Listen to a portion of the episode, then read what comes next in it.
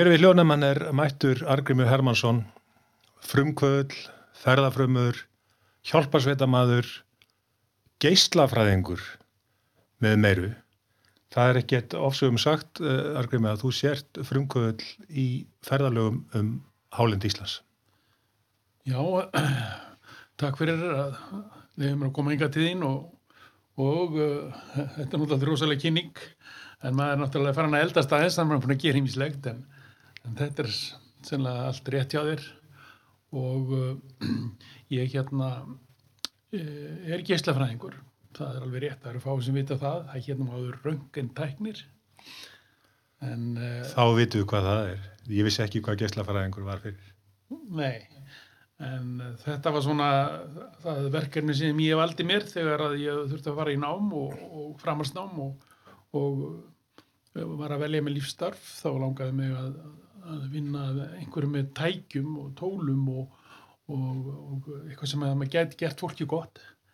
Og uh, valdi þetta og þetta var svona aldrei nýtt og ég hafði mjög gaman að því meðan að það var. Þannig að röngentæknin, hún átti eftir að hjálpa þér síðan mér í hálendisverðum. Já, aldrei leys, það er uh, þessi tæki öll og, og, og þessi tíðni svið og, og hugsa í uh, að láta vélarnar vinna verkin og hugsa í lausnum mm. og þannig að, að það, þetta hendaði mér mjög vel og vera líka mikið í kringum mikið af fólki og Eh, það var mikil eh, þróun í röngin tækninni þegar ég er að útskrifast. Ég er að fór í framhalsnám til Svíþjóðar og læriði CT svo kallað sem er Computer Tomography eða í Svíþjóð var að dator og, og hérna þar áttu þeir fyrsta CT-tækið svona whole body og ég var svo heppin að komast þar eftir að eh, Norðurlandabúar, við vorum hérna með Norðurlanda ráðstefnu og, og þar kynntist ég fólki sem var að vinna á stæsta sjúkarási í Stokkólm og vantilega kannski ég vil í Skandinavi og Huttingusíkjus og þar var ég með þeim fyrstu sem að fekk þjálfun á þetta tæki sem átti eftir að marka spór hjá mér og sérlega öllum landsmunu því að, að þetta var setna til þess að að ég var eh, að miklu kappa að því að fá fyrsta tæki til Íslands að þessari gerð sem kostiða náttúrulega mikla peninga en með, með mikilli útsjónasemi þá, þá gáttum við útvöða þessa peninga borgarspítalinn því ég var að vinna á borgarspítalunum sem var náttúrulega allt annað í landsspítalinn á röngandildinu þar já, mm. var þar yfir röngandæknir og uh, Yfirlæknin minn þar var ásmundur brekkan, mikill fröngvöðl og orkubolti og við áttum bara mjög vel saman og við náðum að setja þetta í höfn með að kaupa notatæki frá Ríkshospitalet í Oslo mm. Og ég fór þangað út og lærði á það og 1982 er það fluttin til landsins og sett hér upp og Ég man það svo vel að 14. november held ég að það verið 1822 þá erum við að taka fyrstu pröfmyndirnar og, og það verður slís þá um kvöldið um nóttina og höfuslís og við ég kallaði þér út og, og, og það tekinn mynd og ég man þann, í dag að, að, að heila skurðlæknirinn Kristinn sagði þarna þegar hann var búin að sjá þessa myndir nú ætlaði ég aldrei að opna höfuð og skera það upp nema að vera búin að fá mynd uh, hjá þér áður. Hann vissi nákvæmlega hvað hann átt, átt að gera þegar hann kom myndunar í hendunar og þetta er mér og, og þarna bjargaði hann 15 óra gammal stúlku sem hefði lendi bíslisi og hann hefði þá aldrei notað röngunteknin aður? Nei, ekki áður, hann varði að nota aðrar uh, greiningar til þess mm. að átta sig á hlutunum en þarna lág þetta bara algjörlega ljóst fyrir. Mm. Þú talar um að það veri kallaðar út. Uh, má segja að þínar, þín ferðalög hafi byrjað hjá hjálpasettinni?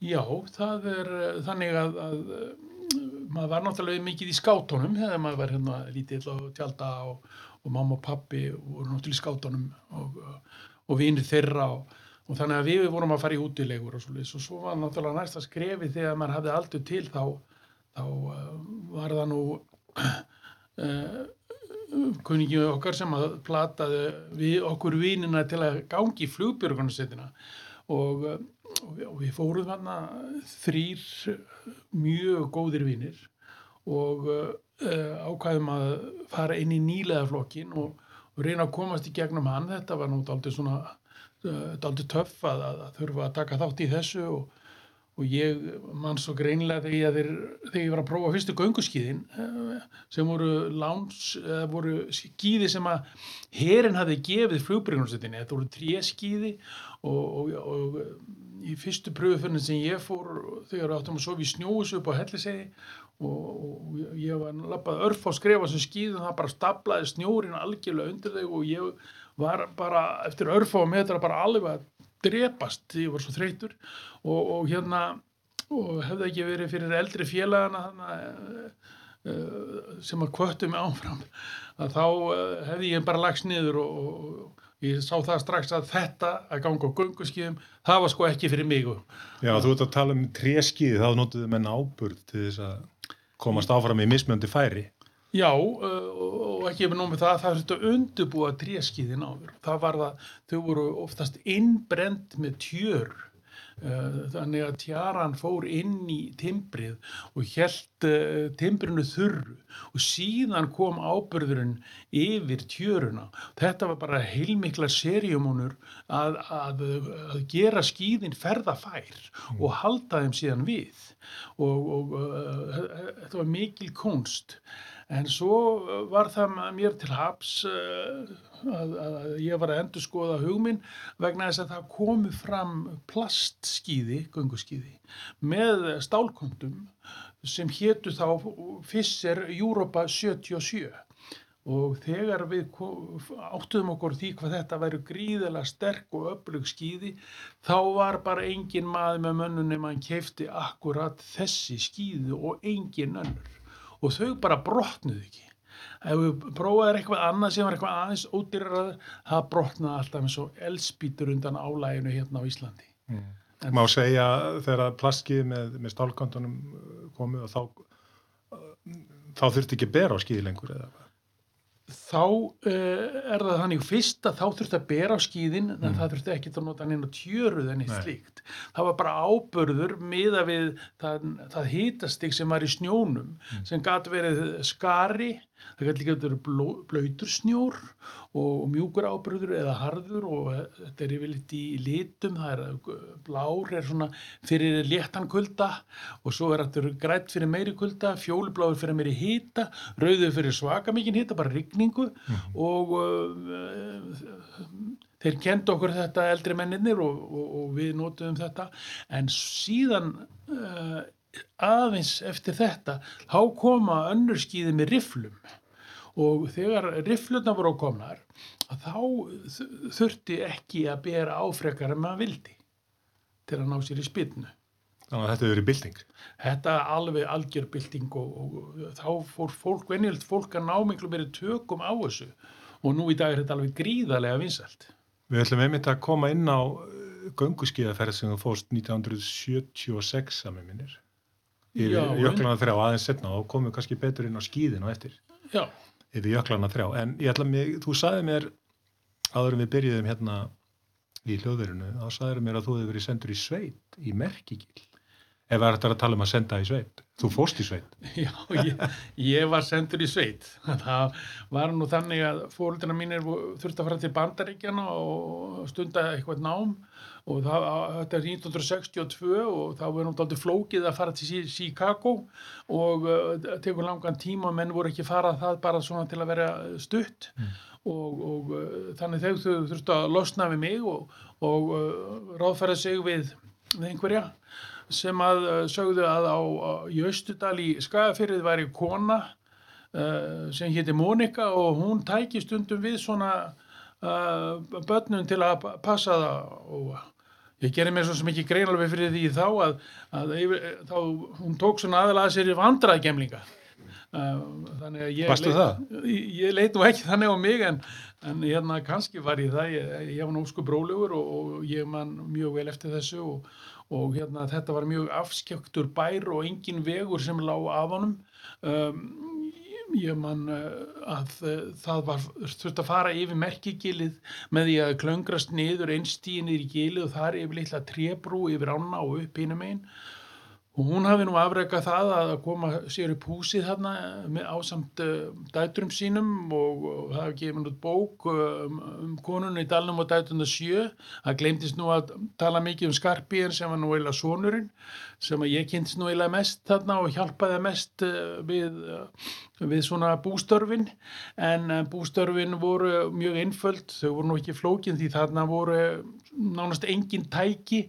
Það voru einhverjum mjög mikið af hestum. Hún vissi ekki hvað hún átti marga hesta. Eru, þetta voru útigangsross og þau komist ekki neitt þessir hestar, það voru gil og fjöll á alla kanta.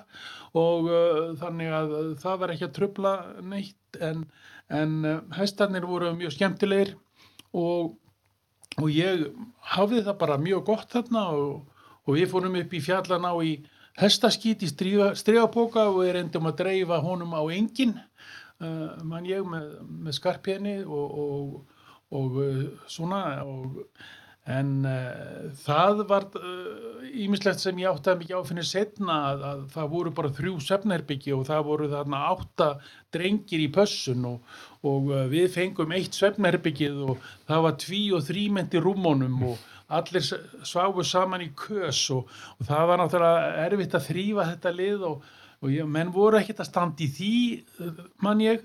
Og uh, þegar hérna uh, mín vera var búinn þá var mér komið með, mikillir fyrirhöfn í varmalíð þar sem ég átti að taka rútuna frá Akureyri uh, raðleið norðuleið uh, og uh, til Reykjavíkur og mamma og pappi voru ekki komið frá Chicago. Og svo amma tók á móti mér og hún var norsk og mjög virðuleg kona hér í bænum og hún giftist Argrimmi Kristjánsinni skólastjóra í melaskóla og þegar hún tók á móti mér þá var það fyrir miklu áfalli. Og ég gleymi því aldrei þegar hún fór með mig í bath og skrúpaði mig svo harkalega að, að, að, að ma, ma, ma, ég sár vældi undan henni og hún sagði meðal annars við mömmu þegar ég, ég kom að ég var það að taka hann úr stifílunum og tók hann úr uh, öllasokkunum og þá stóðu bara öllasokkandir sjálfur svo ég hendi þeim náttúrulega bara í ruslið eins og öllum hans fötum. Þannig að ég var svo sem ekki mikið var við þetta en, en kannski annað að, að, að stuttu eftir þetta eða bara næstu daga fórum við á skátamót, ég man nú ekki hvort það var í Bostal eða Þingvöllum, það var mjög algengt að landsmót skáta væri á þessum stöðum. Og uh, eitthvað var ég auðmur í munnunum og uh, ég man að mamma fór mig og, og hitti Ásmund Brekkan ég nefndi áðan sem aftast er að hafa áhrif á límitt setna og hann uh, skoðaði mig aðeins og aðeins upp í mig og sagði já þessi drengur er með skirbjú og þannig að eitthvað hefur nú mat ma matur og það, það, það fæði sem vorum á þannig að afdölum eitthvað verið mjög svona ein, ein, einfætt mm. uh, já það er, ég man eftir þessu Þannig að þú ert kannski eitt síðast ístildingur sem fær skirbjú Já, það er aldrei að vita. Ég, þetta er, þetta er, er mjög uh, skrítið í rauninni að því ég var nú ekki að nefna þrjá mánuði. Og, en, en, en ásmöndu voru alveg viss á þessu og, og enda lagaðist þetta með réttu mataræði. Auðvitað. En segðu mér eitt, ég nefndi það einn aðan að þú hefðir gerst meðlumur í skáltónum af Björgunarsveitinni síðan mér. Já. Byrjuðu þín ferðalög með skátan? Já, við, það var þannig með skátana sko að, að við vorum þarna í bæði landnumum og, og viking, Jónsvíkingum og, og þá voru margir skátaskálanir sem voru hérna upp á Hellisheiði uh, og það var þrýmur og jötun og, og surtur og fleiri. Og það var alveg ítrekkað allt árið og vetuna líka sem við fórum einmitt um helgar í skátaútilegu og vorum í þessum skálum. Meðal hans fór ég með um, páskar með fóldrum mínum og, og þeirra félögum skátanum þannig að þetta voru mér þess að fjölskylduferðir og þetta voru stundum daldið erfiða ferðir þegar skegni var lítið og, og, og við áttum að rata með áttavita og, og, og kannski vera land, landakort og ég, ég man eftir þetta var, var stundum mjög erfitt. Þannig að þið fóruð á skönguskýðum eða? Nei, þarna voru, uh, voru ekki gönguskiði, menn voru ekki almennt með þá tækni. Uh, þetta var einhverju þegar maður var 10 og 11 og 12 ára sko. Þannig að þetta, maður var mjög hansi ungur þarna. En, en uh, síðan náttúrulega fer maður í, í björgunarsveitina.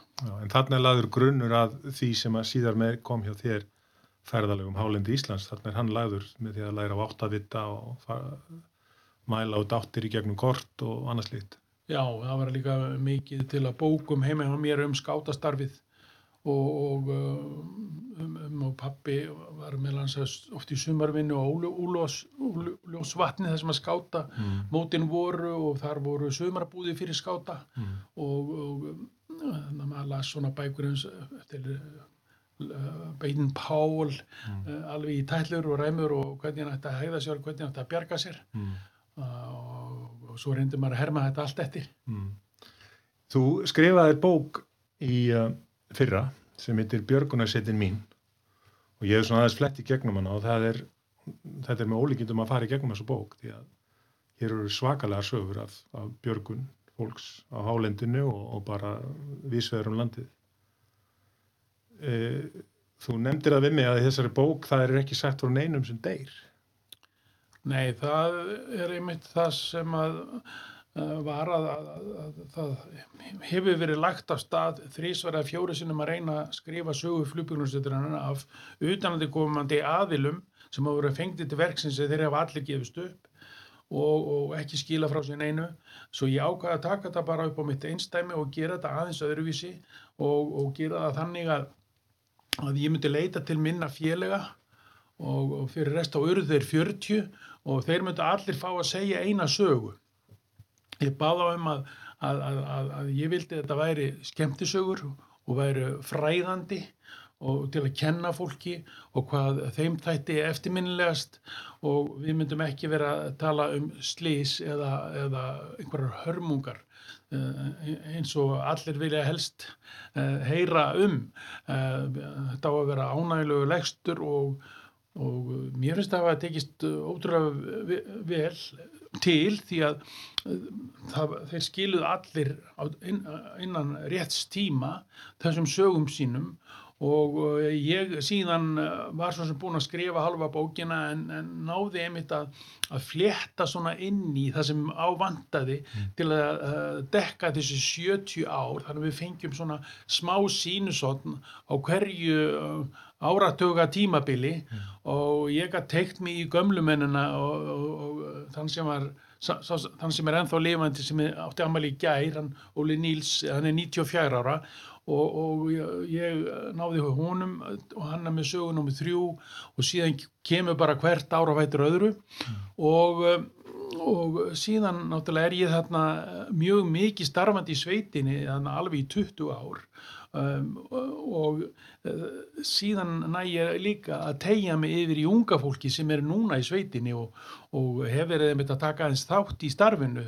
Uh, þó að ég sé í lávarðadildinni sem er svona uh, já, sem er fyrir þá sem er svona búið að taka af útkallslista flestir en, en, en þeir þú nú ekki að taka mig af listanum með þá en er En uh, áður við förum í hérna tvær ferðarsögur sem þú ætlar að segja okkur hérna eftir, það er yfir jöklana þrjá á gönguskýðum annars vegar og svo á jeppum uh, rúmum tí, tíu árum setna þegar þið fóruð á gönguskýðunum 1976. Getur þú satt okkur aðeins svona áður við förum í þær þessar tvær ferðarsögur uh, svona mm, hvaða tæki sam, eh, hverslega tæki voru það að nota til þess að eiga í samskiptum uh, við byggð og óbyggð? Já, það er nefnilega svo ótrúlegt að á, á, á þessum tíma sko þarna eftir 1970 þegar ég er að koma að þessu þá, þá er bara eiginlega rosalega lítið um góð tæki flugbjörgunsveitin uppistaðan að aukotækjanum voru víbonbílar sem að herin hefði gefið sem eru, voru þá framleitir vantila 40 og eitthvað og uh, þetta voru uh, gamli skrjóðar sem þurftu mikið viðhald og það var að vera að reyna að smíða ofan á aðeins þeirra hús og, og þetta var bilandi, síbilandi og, og, og, hérna síðan voru líka snjóbíl kallaður vísill og það var nú bara alveg með hann, hann var alltaf síbilandi og og þá var nú svona lítið annað upp á að hlaupa þegar snjórin var og uh, ef á þurfti að fara á jökul annað en, en skýði þannig að skýðin voru alveg ótrúlega mikið notuð og sá ferðna máti sem að uh, þessir fyrstu menn í flugbjörgunarstöðin notuðu. Og þeir náttúrulega fóra á skýðum uh, upp á bárðabungu til að, til að, að, að bjarga áhöfninu á fluglinni Geysi sem að fórst þar 1950 Mm. og upp úr uh, því verður flugbyrjunarsetin til hún er búin til að þessum fjallamönnum sem uh, þetta gátu og uh, búin til svona sveit uh, manna sem að uh, kunni að aðlaga sig hálendi og jöklum og, og rata við erfiðust aðstæður Mm. Hvað með fjarskiptatækið þessu til dæmis þegar þú ert svona byrja hálendisverðinar? Það var rosalega uh, lítið um nokkuð slíkt uh, menn eru bara geta í eyðurnar eða þá eins og þegar voru upp á barðabungu þá kom flugvél bara á hendinu um miða og sagði þeim að já, þið eru að stefna rétt að leiða, haldið aðeins áfram eða, eða farið tíu gráðu til vinstri og, og, og þannig að fjarskiptin voru algjörlega í lámarki og það var helst þegar guðmunest stöðunar komu single sæband þá uh, en það, þær voru svo fyrirferðarmiklar og þungar að, að, að það var ekki hægt að hafa þær með fyrir gönguhópa uh, nema þegar að síðan að þegar nokkrir menn tókust til í flugnesinu og smíðuðu uh, litla svona stöðvar sem að, sem að uh, dróðu bara alveg þokkalega en, en voru lítið til af þeim Ok. En uh, þú talar um, er þetta Lóran stöðar þá? Nei, þetta eru single sideband eins og eru á Guðunas og þetta eru rauninni á, á, á millibilgju Mm. og, og, og en uh, lóranin er aftur staðsetningatæki Það er staðsningatæki, já. og það hérna kemur uh, nokkuð að í rauninni í stríðinu þá eru bara skip á Allandsafi að þau eru að reyna að rata og til þess að rata rétt þá uh, voru settar upp, vi, upp vitar sem send út merki. Og þrýr vitar voru í einni keðju og uh, merkin frá öllum sem vitum þau hittust á ákveðnari bylgjulengt og hittust. Og þegar þau hittust á okkurnu stað þá varst þú statur þar þar sem þeir hittast. Og, og lóranin gæti rekna það út hvar þú varst og sumir lóranin eftir sem þeir eru fullkomleri þá gáttu þau rekna það yfir í lengdar og breddagráður og þá vorum við allt í unni farin að tala saman hvar við værum. Og, og uh, uh, þetta var náttúrulega búið til fyrir skip. En Ísland er náttúrulega bara eins og skip í norður Allandshafinu og við erum þeir fyrstu í heiminum og kannski þeir einu sem hafa notað lóran sé uh, kerfið til að rata á landi. Og, og uh, það er vegna þess að, að sko við vorum með masterinn var að vitanum hann var út á Snæfellsnesi og svo var uh, eitt þræll var í Nóri og annar á Grænlandi, svo var önnur keðja líka, það voru tvær keðjur fyrir Norður Allandshafið og við gáttum bara að nota þetta og, og uh, svo var bara spurningin að hafa hugmyndaflögi til að nota þetta en dækin voru náttúrulega ótrúlega stórgerð, þau voru ætluð fyrir skip og uh, þau viktuðu kannski uh, 10 uh, 15 kíló eitt svona tæki eh, og ekki nóg með það heldur uh, það notaði mjög miklu orku. Það þurfti eiginlega að fá 220 volt svo að það gæti bara kveikt á sér. Mm. og við meiri segja byrjum að setja þetta í snjóbíl og uh, gerum það þegar vorum að vinna í mælingum fyrir landsvirkjun uh, við að þykta mæla jöklana. Og um, ég útvæði mér svona eitt dæki sem að flugbjörgursveitin fjárfætti síðan í og ég setti það á vélsleða og, og það var náttúrulega útlokað að vélslegin gæti knúið orkuna sem þyrti að halda bara tækinu gangandi þannig að, að ég hafði það bara lokað aftur í kassa og svo þegar ég uh, stoppaði á einhverjum ákveðin stað þá uh, kveikti ég á rafstöð, svona hondu rafstöð sem að uh, uh, 500 vött kannski af orku og þá gæti ég kveikt á lórandækinu og það segði mér hvar ég væri stattur og þá gæti ég aðeins átt að því hvort ég ætti að beigja eitthvað eða bara halda beint á hann fram. Og, og svo var ég bara að gera þetta oftar og oftar eða það var mjög slemt skign eða slemt viður og um, við eigum þetta tækja en þá og það er núna til sínis á, í, í, á skóum þar sem að Sigurður Harðarsson hefur tekið saman allar þessar gömlu talstaður, gömlu staðsendingatækin og gamla fjarskiptabílinn frá flugbyrgunarsveitinni, hann er þar líka sem er kvöldu skjálpakan. Allt er þetta á safninu á skóum. Samgangursafninu. Já. Herru, ég- við erum hérna mitt með mynd fyrir þá sem eru að horfa á okkur. Þá erum við með mynd hérna af þessum snjóslega og er þetta þú aðna snjóslegan? Já, já, þetta er, Og þannig ertu með tækið fyrir aftan snjóslegan. já, það er í, uh, Hvað, hvað viktaði þetta tæki?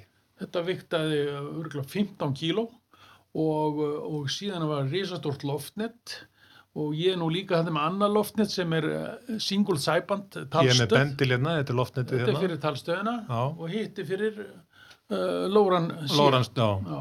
Og þá varst í sambandi við Guðunis. Ég var samtíð við Guðmunus Já. og, og, og, og tækið sagði mér hvar ég var, er og þetta tvent skiptir bara öllum sköpum ef það ert í leit eða framkama eitthvað upp á hálend og jöklum Íslands að vera í samband og vita hvað þetta er það er bara mjög gáfulegt Myndur þú segja að þetta hefði verið bylting í uh, er ferðalögum með Hálendi Íslands og í Björgun? algjörlega, algjörlega bylting og Hvaða ár eru þetta þetta er 81 þannig erum við að mæla Hofsjökul og fyrir landsvirkjun og, og við erum að sporða mælan. Ég og Ástvaldur Guðmundsson rakari og, og hérna við vorum Helga Bjössin í jöklafræðingi þarna og fleirum. Og snjóbílinn Tanni er þarna og Sveit Sigurbíðarsson hann stjórnaði honum. Frægur snjóbílstöðu frá Eskifyrði og hérna þetta síðan þróast nefnilega þessi lónandæki og fjarskiptin yfir í uh, uh, rosalega flottan útbóð, út, útbúnað. Sko fjarskiptin færast yfir í VAFHF og Sigurður Harðarsson og Sigurður Harðarsson hann smíðar endurvarpa upp, upp um allar hlýðar Íslands þannig að allt í henni er bara lítil handstöð og hann bara að drífa um allt Ísland. Og getur bara að tala við allt og alla sem eru að hafa þessa bylgju. Og það er alveg rísabilding síðan eh, breytast uh, sko Lóran sé í, í smerri tæki og minni og orkuminni. Og ekki náma þess svo allt í hennu þá kemur GPS fyrst er það herin sem einhver hefur um, leifi til að taka á móti uh, þessum sendingum frá tunglunum sem að sveima þetta yfir jörðina. En, en svo krafðist bara almenningur þess að fá aðganga þessu og fyrstu skiptin sem að við getum nota GPS þá er hérna að ruggla aðeins svo það sé ekki ofan ákvæmt nú, svo var það Sem gæti verið stór hættult þegar maður var að já, það- ferast á jöklun til dæmis. algjörlega. Og, og, og, og, þannig að maður var virkilega að passa sig þá en sem betur fer leiði bara nokkur ár þannig að, að, að almenningur krafðist þess að hafa að þessi gögn eins góð eins og hægt var að fá þau og þá var nákvæmum upp á örfá að metra Skekkjumörkin. Þegar að herin var að fykta í þessu. já, Eða, já. já, Sem gæti verið stór hættult þegar maður var að fara yfir já. jökla með sprungum og maður vissi kannski af sprungum hér og þar.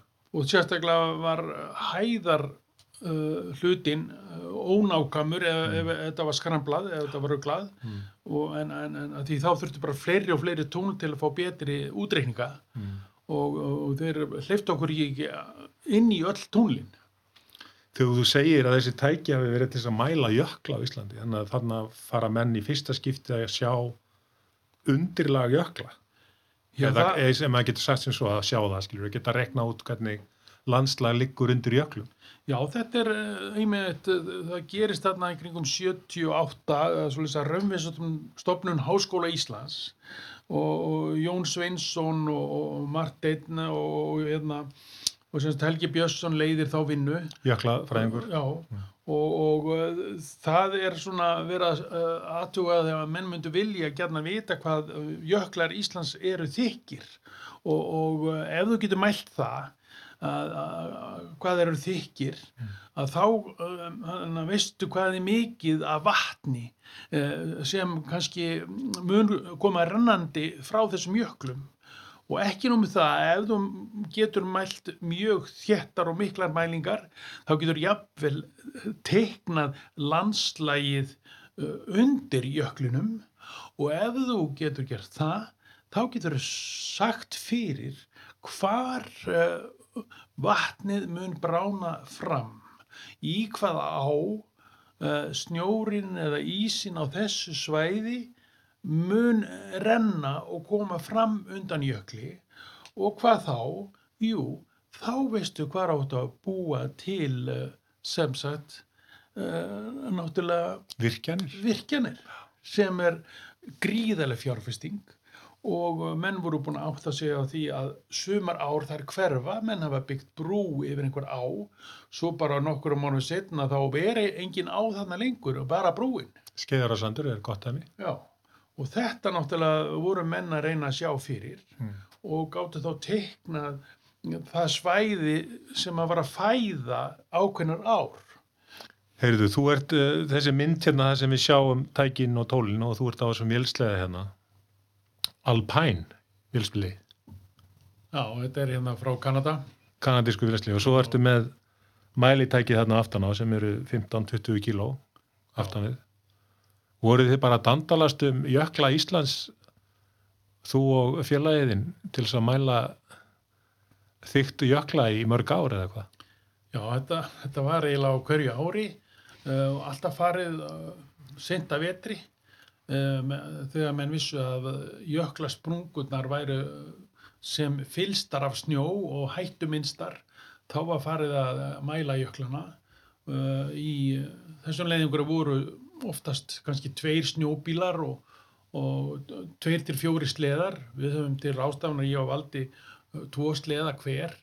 Annar þeirra var svona alpæn sem er sko tveggja belta með einu skíði í miðunni sérstaklega öflugir dráttasleðar og uh, gerði fyrir mikinn púðsnjó á meðan að hinsliðan sem voru með var miklu uh, léttari og meðferðarlegri og dreif miklu minna.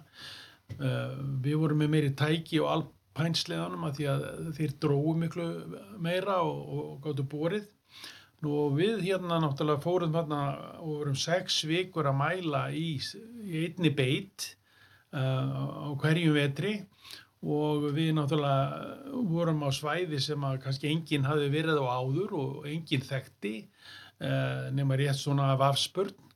Og uh, ég man nú einu sinni eftir því að við vorum að fara að mæla köldukvísla jökul og til að komast þanga þá fórum við náttúrulega á snjó frá Hrauneyjum og Siguld og inn í, í jökulheima og uh, vorum með allan búnaðinn og, bensín og, og uh, dróum uh, svona hús á, á, á, skýðum á eftir okkur til að geta sofið í því að já, fyrsta árið þá sváfum við tjöldum og, og það gaf ekki góða raun. Við vorum svo þreyttir eftir óveðrin að, að við gerðum ekkit annað en að kvíla okkur eftir þessi óveður svo það, menn sá það er það að vera betri aðbúnaður og þess vegna voru þessi hús smíðuð og sett á skýði og þá batnaði nú mjög mikil þessi aðstæð sem við höfðum. En uh, þarna þegar við erum að fara upp túnárjökulinu til að komast að köldugvísla jökli að þá var mikil brekka náttúrulega þar upp og, færið aldrei þungt.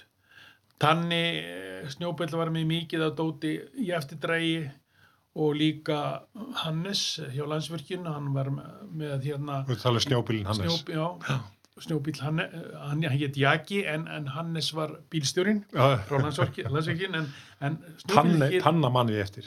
já. Jaki og, og Tanni og Jaki voru þarna þetta voru svona alltaf nöfn á bílunum sko uh, og, og hérna svo gengur rosalega erfitt hann upp og, og við sjáum ekki neitt og það er svo vond veður og, og við erum að reyna að komast sem lengst til að finna okkur uh, svona útbúið, útbúið jök, jöklabúðir og, en svo allt í hennu gengur rosalega rætt og við sjáum ennþá ekki neitt sko.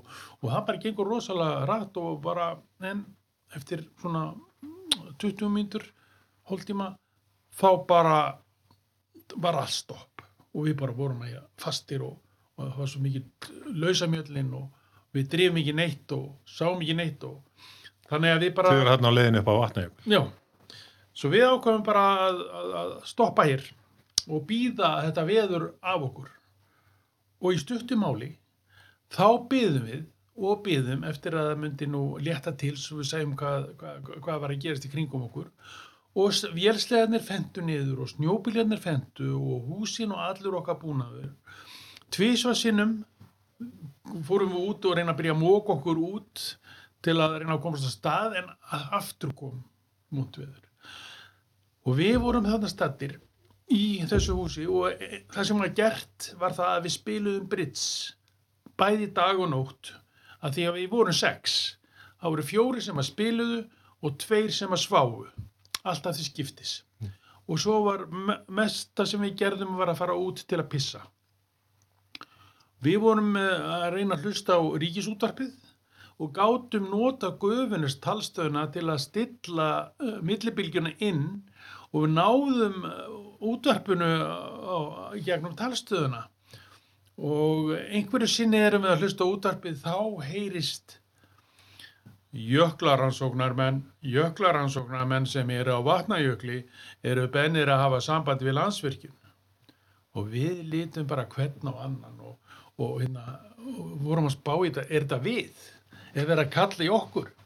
Já, og þá uh, spurði það einhverju, Hannes, hvenær fórst þú síðast út í snjóbíl til að láta vita okkur?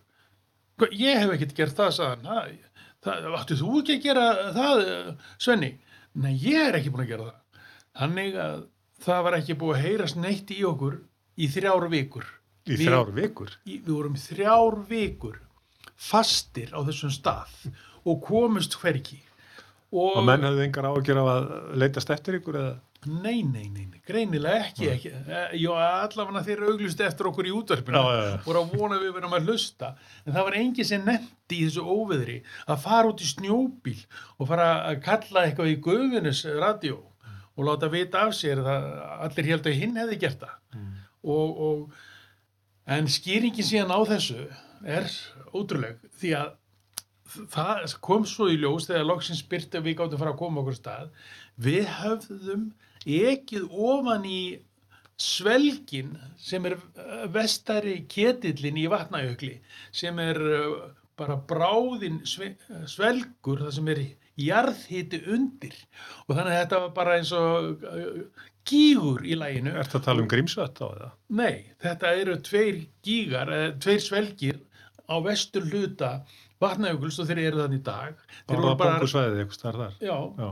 þeir voru bara myndast þarna og við vissum ekki af, af, honum þá og við vissum ekki að við höfum kyrt bara beint ón í hann. Þess vegna fóru okkur að drífa svona vel þegar við kyrum við niður brekkuna en þegar vorum komin þarna niður þá komust við ekki neitt og líka það að það var svo mikill vindur og, og, og vindurinn það niðri, hann tók bara þennan lausasnjó og hann, hann fauk bara alltaf stöðut í kringum okkur þannig að eina óveðri sem var, það var þarna onni Já, þetta er svona eins og trekt að nonni með Já. að sapna snjónu, já. En þetta er náttúrulega fyrir þá sem hafa ekki farað á jökla, þá er þetta, þó svo við séum með nútíma tekni í dag, þá getur þetta oft verið svolítið villandi þegar maður er að keira á jöklum, að hvort maður er að fara upp eða niður. Já, já, maður hef- missir allt eh, Þessi svo kallega snjóblinda eða, Já, maður missir eh, Já. og, og hvort maður fara upp eða niður þetta er svona svipaður í flugvél og fljúa inn í skí já, og veist ekkit hvað snýr upp niður nei, nei, það er eins og ykkur sagði við mig, þetta er eins og vera dýft honni mjölkuglas. Já, já, já, þetta er svipað Já. En þú segir að þeir hafi verið í sex ár að mæla jökla, helstu jökla Íslands. Þeir hafa sko, þarna, ég tók þátt í þessu í, í sex Hvaða ár eru þetta? Þetta eru frá 79 Mm. til 84 sem að, að ég er að taka þátt í þessu og því þá er þetta dálítið mikill búnaður en eins og svo allt með tækninni að þá þróaðist það alltaf í eh, meðfærilegri búnað og það þurfti alltaf bara færri og færri til að stjórnánum og Af því hann léttist. hann léttist og verið minna um sig Mm. og, og menn gáttu, þú veist, mælt miklu meira á styttri tíma og núna í dag er líka verið að mæla þetta og, og, og það er bara einn maður að gera þetta kannski með dróna eða einhver, einhverju Mm. slíku. og tengdur þá við gerfinetti Já. og annað slíkt. Þannig að þetta er mikil bylting. Hvað gerist svo eftir, uh, eftir þessi tækni, já maður er að segja degi, degir út, hvað gerist þá? Það kemur þá bara uh, gerfinetturinn. það, það er að gerast Mm. menn er að sjá hérna eh, myndir af eldgósinu okkar sem er í gangi í dag í geldingadunum Mm.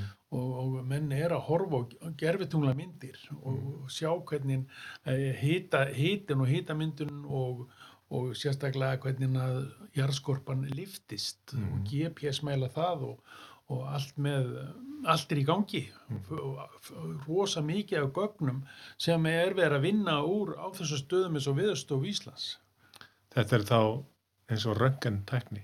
Menn geta orðið séð hvernig jörðinni líður. já, það má ég að segja það Gegnum lýsa jörðina. nákvæmlega En heyrðu, við ætlum að, að fara aftur í tíma, 1976 ferð þú ansi frækna för með félögum þínum, þessi svo kallaða ferð sem var kalluð yfir jöklana þrjá. Og því má maður segja að þessi ferð hafi sko verið tímamótaferð. Það er að segja að þið eru þeir fyrstu sem við vitum um sem fóruð yfir jöklana þrjá á skýðum, sem sagt frá austri til vesturs. Ef þú getur sagt okkur aðeins svona ofan og neðan þessari ferð og hvernig, hvernig orsakast þetta að þið ákvaða að fara þessa, fara þessa ferð? Já, við eiginlega vorum rosalega ungir og kraftmikli menn þarna þegar við erum nýbyrjaðar í flugbjörnarsettinni Mm. og það voru þarna eldri menn sem höfðu verið að arka fram og tilbaka norður og söður yfir Ísland Mm.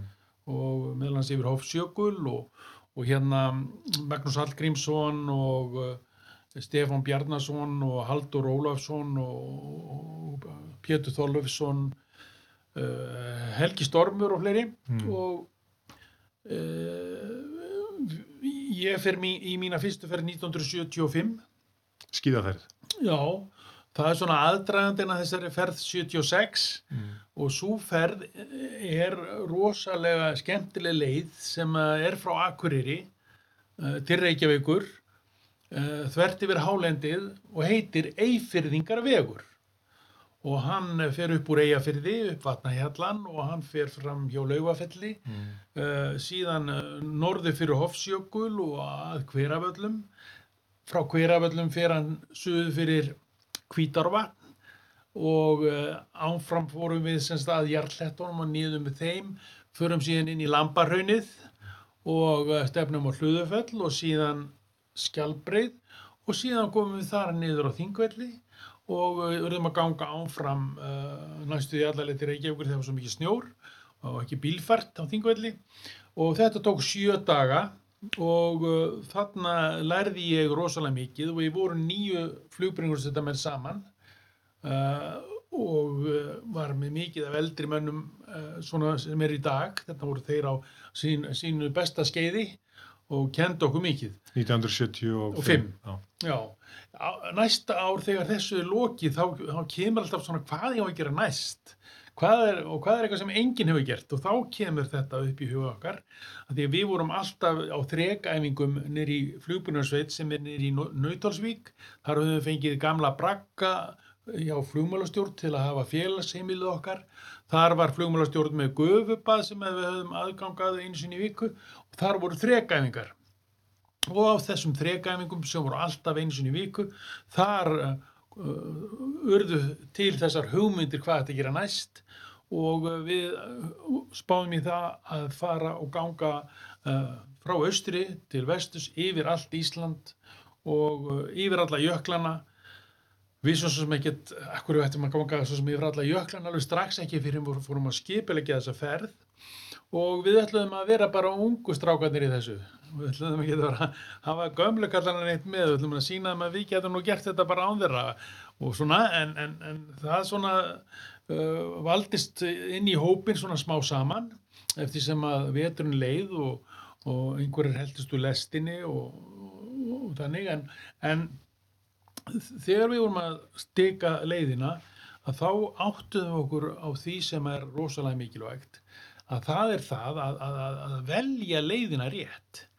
Það er, skiptir bara öllu máli hvað það er að gera og hvað er erfiðast ef þú ert að, að draga púlku á eftir þér sem er kannski með eh, 20, 30, 40 og með púlkunni 40, 45 kíló Þegar þú talar um púlka, það er sleði sem þú drægur eftir með, með vistum og Já. tjöldum og útbúnaði. Já, sumir vilja hafa hluta af sín búnaði á bakinu í bakbóka en mér finnst það slæmt, þá finnst mér ég vera svo valtur að því við erum svona aðeins herri fyrir þá. Uh, sumir hafa helmingin á bakinu og helmingin í púlku en, en ég hafði allt í, í púlku og fannst betra að draga þetta og, og við létum steipa fyrir okkur púlkur, við pöntuðum tjöld frá Blacks í Englandi, við, við vorum pöntuðum klifurbelti og línur því að eh, þetta var ekki einleikið að, að, að, að það var ekki tilneitt slíkt og við bara tókum líflínunar og við bundum um okkur miðja. Nokkra ringi utan um magan eða bringuna og, og svo áttu ef einhver dætt í sprungu þá fjall hann eða í sprunguna og svo hertist bara að. Og, og uh, menn voru eiginlega kannski jafn döðir eða hengdir í þessu. Þannig að þið voru ekki með svo kallað harnes eða belti, svona, Nei, það, við, við útvöfum okkur þetta á þessum tíma. uh, við vorum svo nýjungagjarnir með að við þá eldri. Þeir voru búin að aðlagast þessum gamla búnaði og, og á þessum tíma var mjög mikið bylting og, og, og við, maður fjárfesti mikið í nýjum einmitt útbúnaði sem hjálpa okkur mikið einmitt til að fara þessi leið. En leiðarvalið var þegar upp var staðið þegar við vorum búin að skoða þetta mjög vel að við sáum allt í hennu leiðina við vorum bara að spá í með auðvöldast og, og hún varð að vera helst sem láréttust. Ekki mikið upp og ekki mikið niður. Og það segir okkur bara eitt þegar maður fyrir að hugsa um það. Við áttum að lappa á vatnaskilum. Og ef þú gengur og, og ferð vatnaskilin að þá ertu aldrei lendi í djúpum giljum eða djúpum ám eða háum fjöllum það, þú, það, þá ertu að þræða það og þetta uh, bjargaði okkur algjörlega í, í þessari ferð í raunni með að hvað okkur gekk vel að komast ánfram við vorum með meðalhraðan upp á 30 kílometra á dag Þess- þið byrjið frá eigilstöðum í rauninni Já. og byrjið að ganga þar frá Snæfelli eða, og þar inn á hálendið. Já, við flugum á Egilstaði og þar tók Hjalti Sigursson á mót okkur, uh, eitt félagin okkar úr hugbrunarsveitin sem var nýfluttur ákað og hann var einn af leðungusmununum og við vorum sex saman og uh, ég var næst yngstur og, uh, og hérna, það var Þór Ægisson sem var yngstur og um, Við erum með mynd hérna fyrir það sem er að horfa á okkur, það erum við mynd af leðangursmannum já, og það væri kannski gaman að heyra hvaða menn þetta eru hérna með þér. Þú ert hérna hér í lópapessunni. Já, ég er hérna í lópapessunni daldið svona síðarður og, og svona eins og var tísku á þeim árum aðeins yngri en þú ert í dag. Já, og þarna þessi myndir nú þannig að þetta er að bara verum nýkomnir úr þessari ferð og erum bara ekki búin að jafna okkur og erum ennþá uppgefnir Já, og ég stend þarna við, og hlýðin á mér er Hjalti Sigursson frá Eskifyrði mm. og við sjáum hann að jöklaransóknarfélagsmerkið á hlýðinu á Úlpunas. Jörfi og við sjáum síðan Jóhannes Ellert að hann hérna eh, er, er ja, hjalti sko rafvirki en Jóhannes Ellert hann er sem sagt útastvirki og er ennþá og síðan er Rúnar heitinn Norkvist sem var ókrýndur farastjóri ferðarinnar og reynslu mestur af okkur öllum. Og uh, við hliðin á honum er uh, Steini Málari, Þorsteinn og hann, hann því miður lest í, lest í, í fallífa slísi upp í sans, sanskeið uh, og síðan er Þór Ægisson kvikmyndatökum maður hjá sjónvarpinu og yngstur okkar. Við hérna við lögðum að stað frá uh, létum keira okkur frá Egilstöðum og þá var, komi, var verið að setja nýjan veg og nýbúið að setja nýjan veg upp á Grenisöldu. Það var verið að þá að hugsa um að fara að virkja það Kárahnjúka. Austurland. Já, Mm. það var svona fyrstu uh, að að gera Mm. einhvern veg og við gáttum nota þann veg til að ná hækkun Mm. sem er svo mikilvægt fyrir okkur að komast upp Og sléttuna þarna fyrir Já, ofan. og, og þegar við komum þar þá man ég svo sem eftir því að þar var hús og það var einhver maður að vinna fyrir landsvirkjun á þessu svæði sem hétt Einar og þegar hann frétta því að hvað við varum að vera að gera þá fengum við ekki að fara frá honum fyrir en hann var búin að bjóða okkur til veistlu sem var reyndir og við borðum hann reyndir og komum sér eitthvað seint að stað þannig að daglegum var frekar stutt inn að þræla hálsi og Er það skáli þá? Það er engin skáli eh, á Þrælahálsi en Mm. við vorum að leiði í skála við Snæfell Já.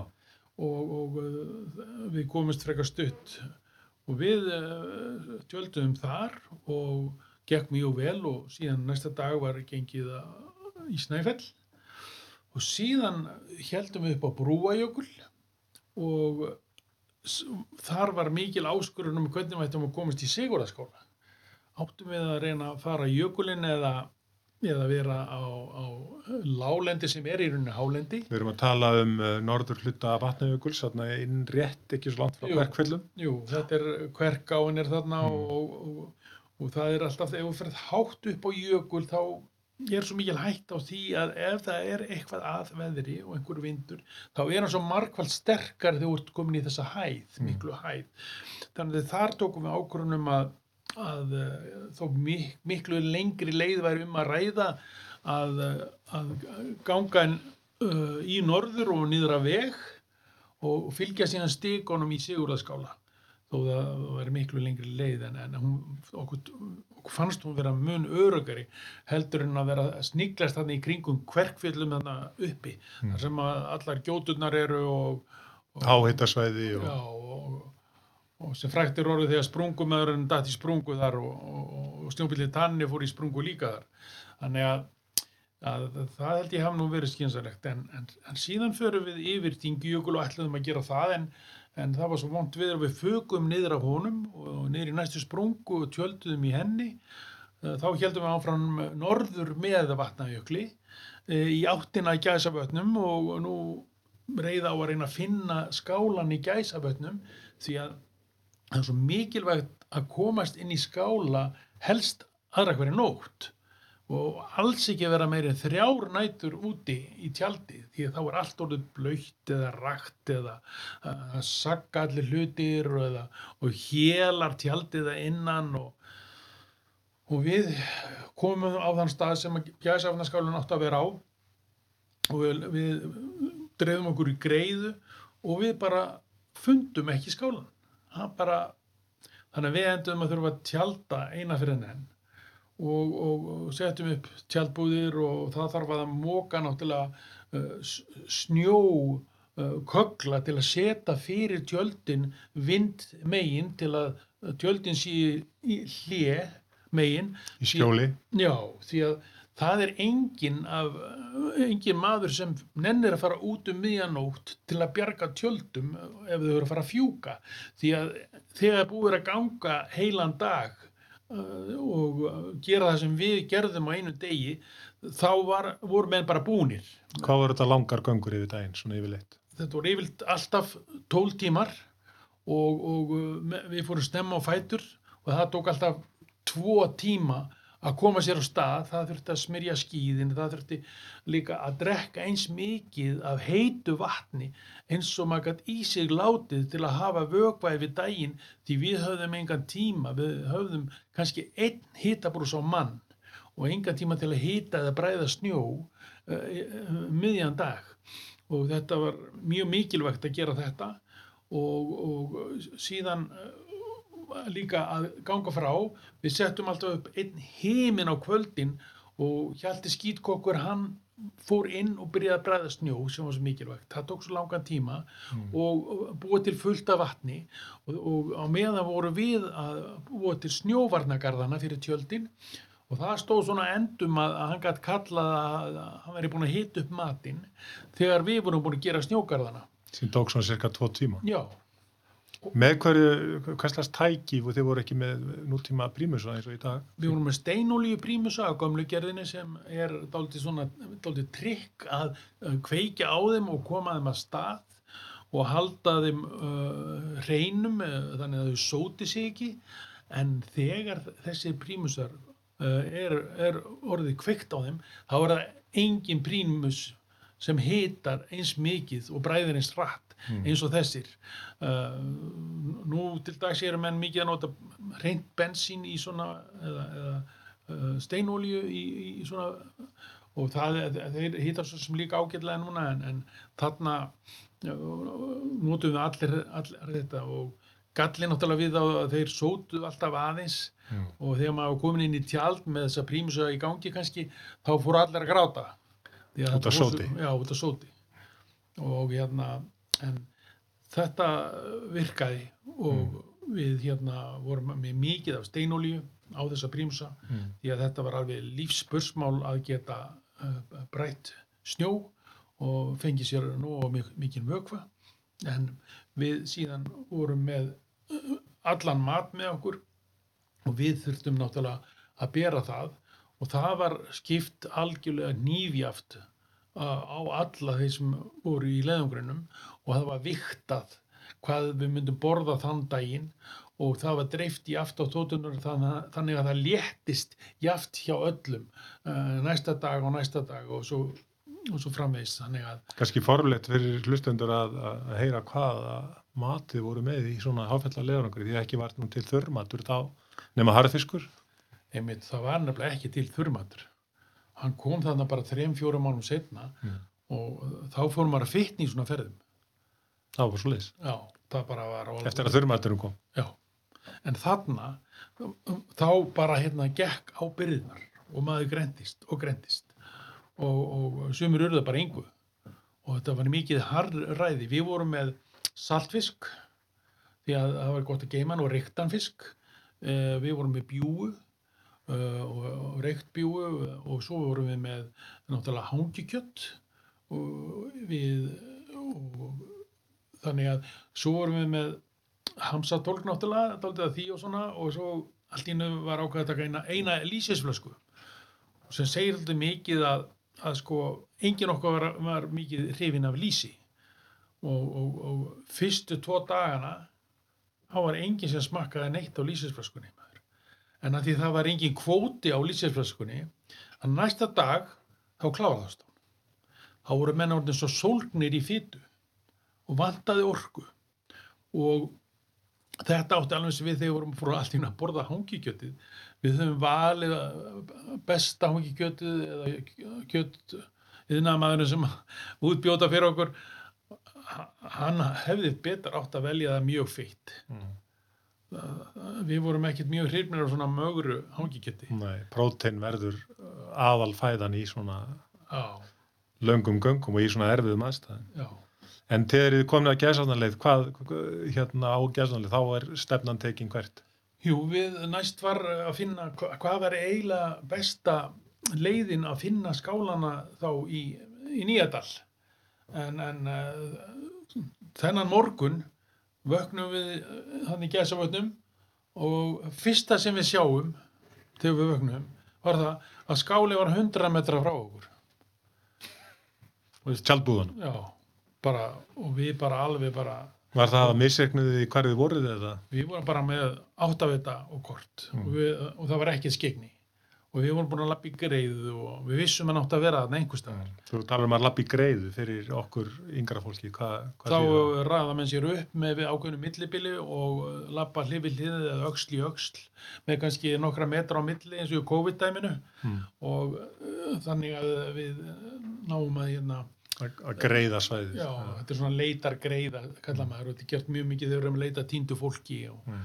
og þá getur svona lína orðið alveg gríðarlega löng Mhm. Þegar verið að kempa svæðin Mm. og um, þannig að, að við vorum nú búin að vera úti sofa ansi marga nætur og ekki komist inn að, að við ætluðum sko að reyna að komast sko í Nýjadal og, og hvort áttum við að fara norður fyrir Túnafellsjökulun eða söður fyrir hann. Við hefðum farið um haustið uh, í Nýjadal með uh, að missa mat sem til að geima þar og, og þá gengum við inn Nýjadal sem hétt áður hérna Jökuldalur.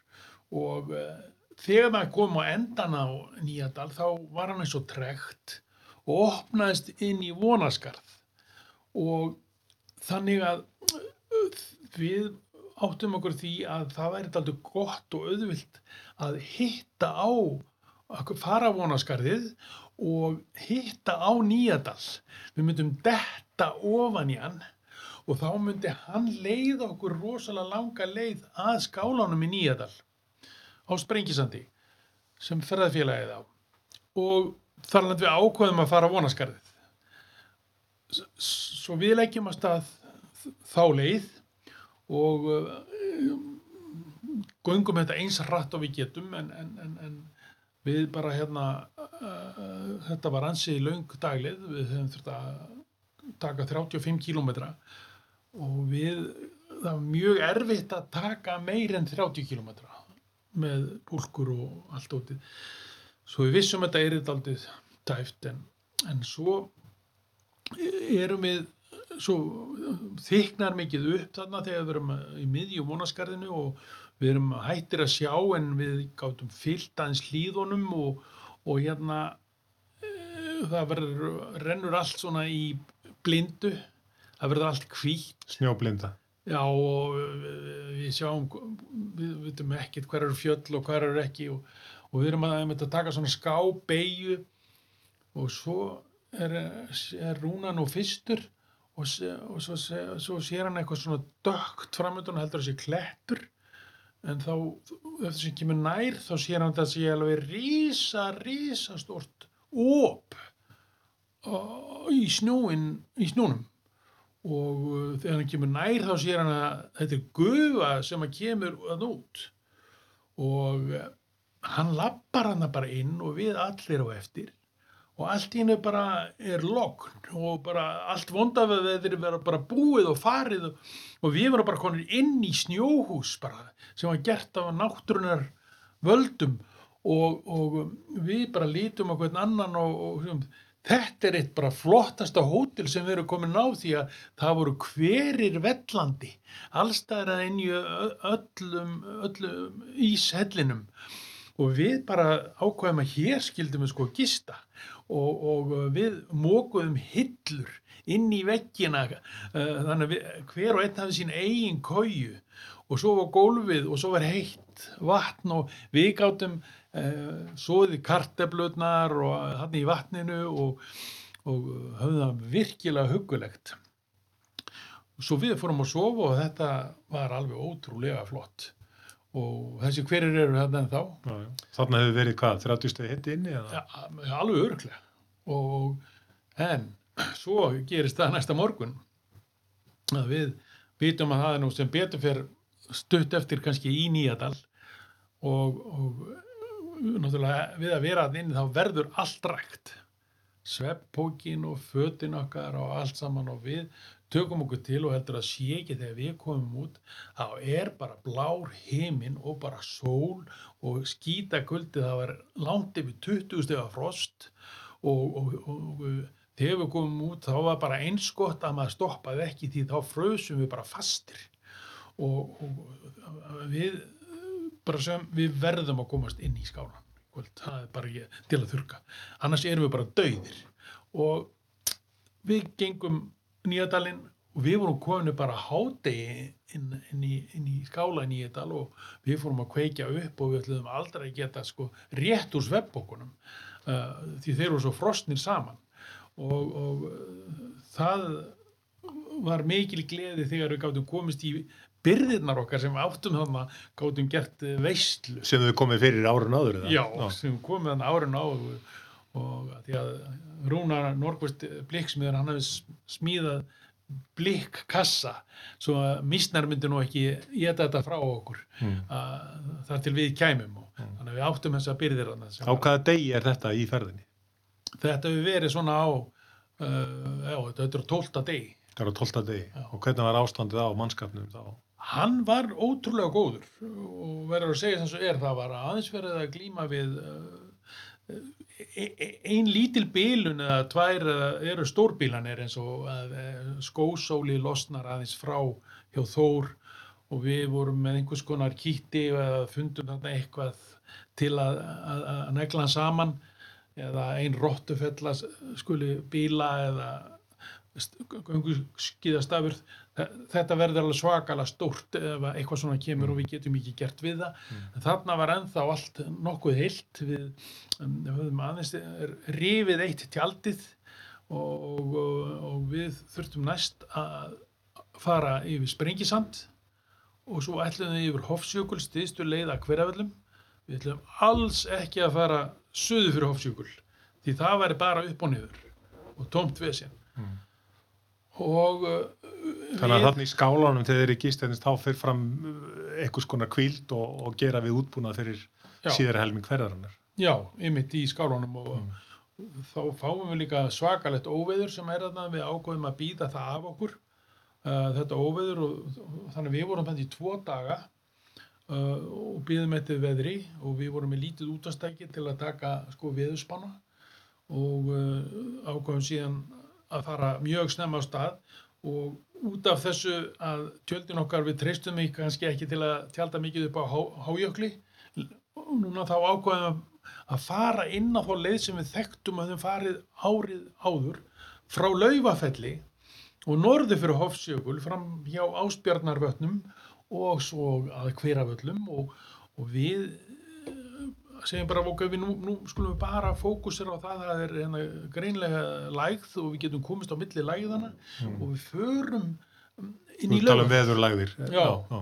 já, viðurlæðinar förum bara hratt hana yfir og hvað gerist við erum að leggja stað klukkan sko 6 morgunin sem er mjög snögt þá erum við búin að vera fótum sko í tvo tíma við að koma að græja okkur og við erum alla byrjaðar að ganga heldur að komi ekki þessi fíni vindur í bakið okkur. Og þetta er eitthvað 42 kilometrar ef ég mann rétt. Og við erum með svona segl sem við lítum sauma. Þannig að tveir og tveir gáttu strekt seglið á milli sín á skíðastafina. Ég man alveg það er þrýr metrar á lengt og það var einn og hálfur metr á, á hæð. Komst upp á skíðastafin okkar og með þetta á milli okkar þá bara feikti vindurinn okkur alla leið í laugafell og við vorum komin þarna á klukkan hálf tólf þennan sama dag og þetta er sko alveg bara eitt að þetta er sennilega bara hraðamett sem ég lendi í Og Þá við- voruð þið að fara 40 km á klukkstund eða? við vorum að sko virkilega á tímabili Já.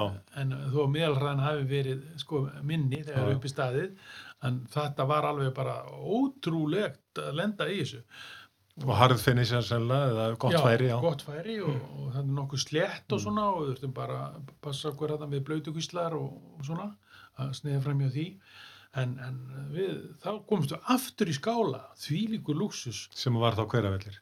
nei, sem er laufafell Sem í laufafelli fyrir já, ekki, já, hínum einu Já, við já, já. bara sprengisand Já, og við hefum verið við vorum einmitt við laugafell sko árið áður.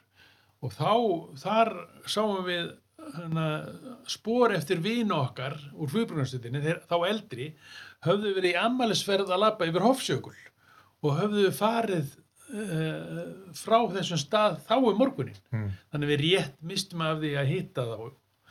Og, og uh, en við ákveðum að gista einmitt þá uh, að, því við, að því maður vill nota heilan dag Mm.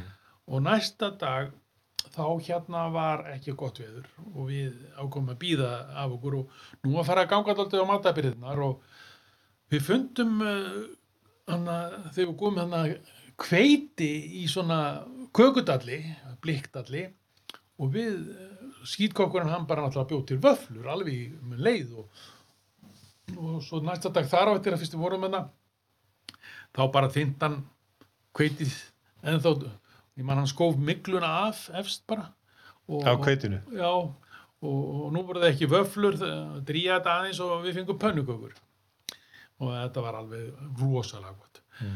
og nú gátum við svo lagt að stað og það var stefnan tekin nor, uh, uh, þá við farið vestur og norður fyrir Hofsjökul Mm. Og það var engin skáli komin sem nú er og heitir Ingolfskáli Mm. en uh, þannig að við vissum að við erum að fyrir tjöldum sem við tjöldum við ásbjarnar vötn Mm. og einmitt á hotninu þannig rétt við sátu og, og eh, en frá Sá- sátu og að, að hérna hveraföllum er næstu því 50 kílómetrar þannig að, að og það er náttúrulega rosalega eh, mikil spenna og spenningur í ykkur að reyna að komast það á einu degi. Og þar áttum við líka smá mat því að Ingvar Valdimarsson, Valdimarsson formaður flugbjörnarstæðar hafði flóið á flugulunni sinni þannig yfir og hent mat niður sem að hverafalla hjónin sem að voru þarna allan veturinn alein.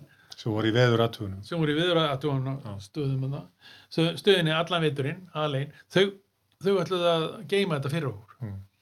Og Þorvaldur og Bergþóra já og, og hérna Sem þau hétu, sem voru já, Og þau hefðu náttúrulega ekki séð mann í, eða mannskap í marga mánuði þegar þið er að fara þetta um voru, eða ekki?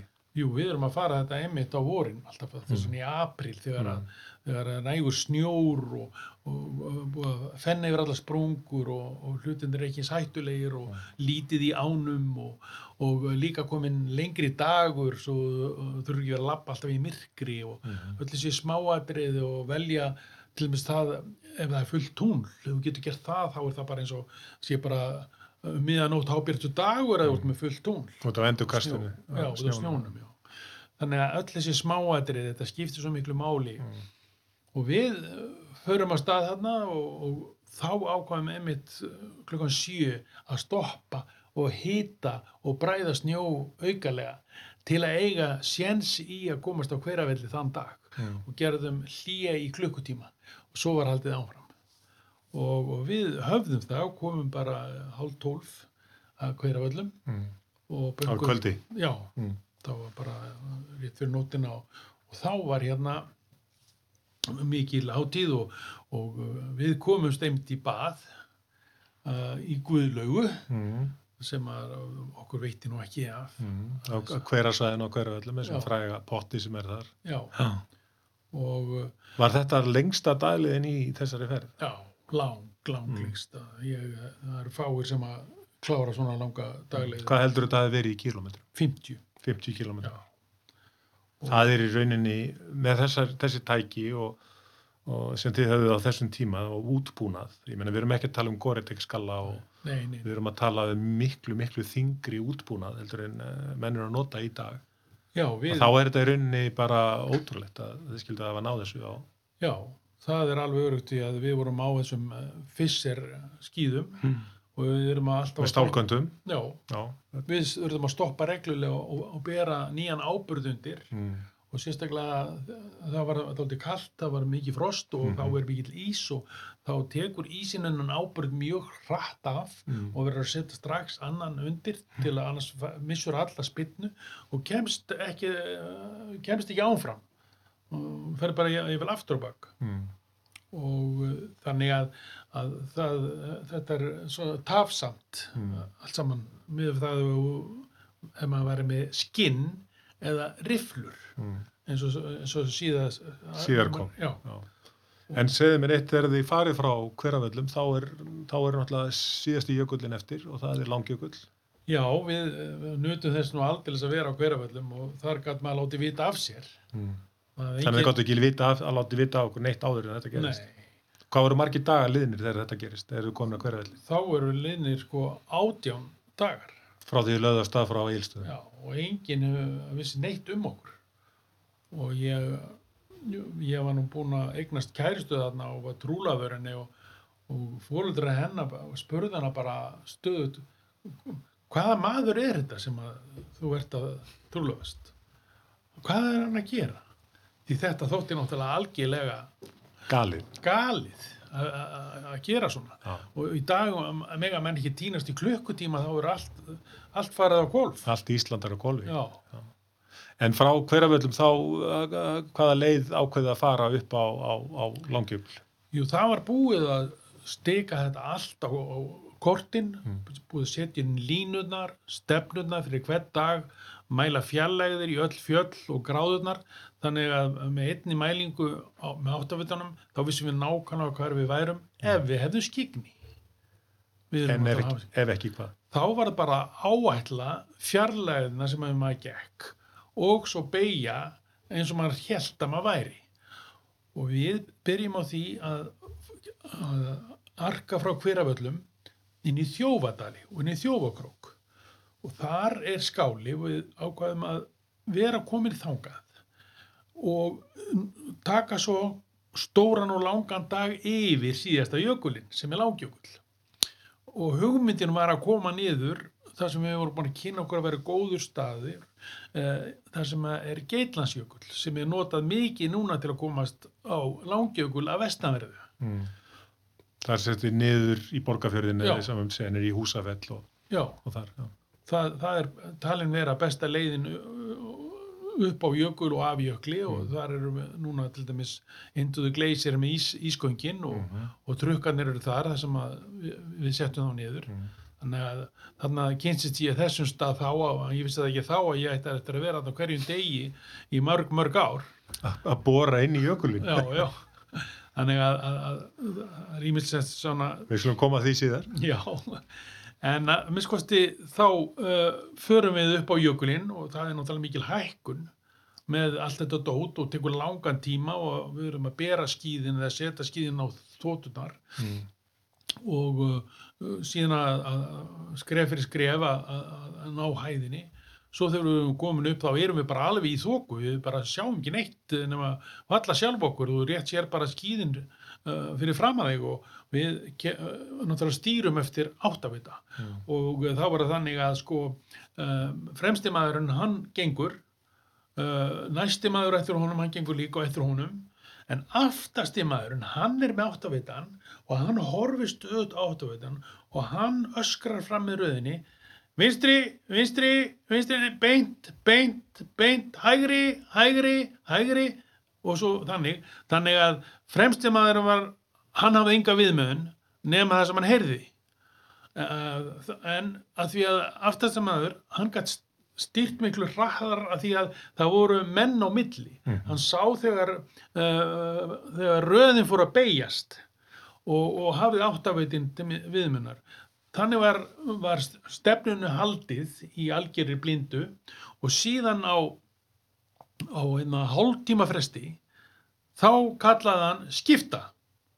Þá stoppuðu allir og aftasti maður hann gekk fram fyrir alla röðuna og nú var hann að vera fyrstur því að það reyndi alltaf mest á fyrsta mann við að tróða og riðja leiðin í snjónum. Það var alltaf miklu auðveldara að gangi förunum eftir hína og svona gekk þetta allan daginn. Vinstri, hægri, beint skipta Þessi köll svona nokkuð stöðu eða? Já, þau voru svona nokkuð stöðu, er bara, þau komu eh, ef að, uh, til að hjálpa þessum fremsta Mm. að hérna stýra Mm. og hann, vildi, hann var þáttur óviss ef hann til dæmis, heyrði ekki kallið beint, Mm. þá vissi hann að hann var að gera rétt og, og, og hérna, en um, þannig að þetta var, var leirita eins fljótt eins og hægt er Mm. til að við værum ekki að ganga í hlykkjum, þá myndi leiðin lengjast svo mikið. Mm. Og við erum þarna komnir upp á miðjan jökulinn, Þennan sama dag já, og, og, frá þjóðatölum. og menn eru bara orðnið dálítið kvektir á að sjá ekki neitt Mm. og fara að hugsa hvort að, og eru vissun um það, að það sé skigni neðar, ekki bara upp á jöklunum, það er oft þannig að það sé skýjað á fjöll og skýjað á jöklana Mm. og þá kemur einhver með þá hugmynd að skella sér bara norðvestur af jöklinum inn í jökulkrók Við erum að tala um í átta Eiríksjökli og þar. nákvæmlega Mm. og engin okkar hafði farið þar niður á jöklinum og við höfum enga kunnáttu yfir því hvort þetta verið góð leið eða slæm við horfðum á kortið og hugsaum já, þetta hæðalínuna virðast nú ekki vera neitt svona alveg rosalega þéttar hérna. Við skulum, við, við gerum þetta, við erum búin að fá nóga þessu jökli, sko. Og við förum, lát, byrjum að, að sigla niður Mm. og niður, við erum líka svona nákama lofthæðamæla Mm. og sjáum það og Í hvaða hæð eru þið þarna cirka? við erum í 1400 Þannig að það er svona eiginlega hæstu punktur já, jökulsins. já, 14 1400 metrum Ég lá langjökli. já, og við byrjum að fara niður og þetta léttist og, og svo byrjum við að fá skigni maður, ég skal ekki segja eitthvað við og vorum gladir að sjá allt í hennu bara ekki lengur hvítt, við sáum eitthvað dögt framöndan og, og svo sáum við, Þið sáu land, já, við sáum til lands. Land. og við tókum land. Já, og ég, ég segi það í alvöru að við tölum um að einmitt að taka land. Og ég man að sko menn voru svo glaðir að þeir hoppuð á landinu Mm. og það voru ekki, voru búin að vera snjó í 22 daga og, og, og, og þarna var bara dökk, dökkt land en við hefðum nú betur ekki glaðst svona mikið yfir þessu því þarna byrjuðu sko vandræðin því að ef þú hefur ekki snjó til að ferðast á og ert með skíðu og púlkur og allt saman hvað ætlar að gera þá?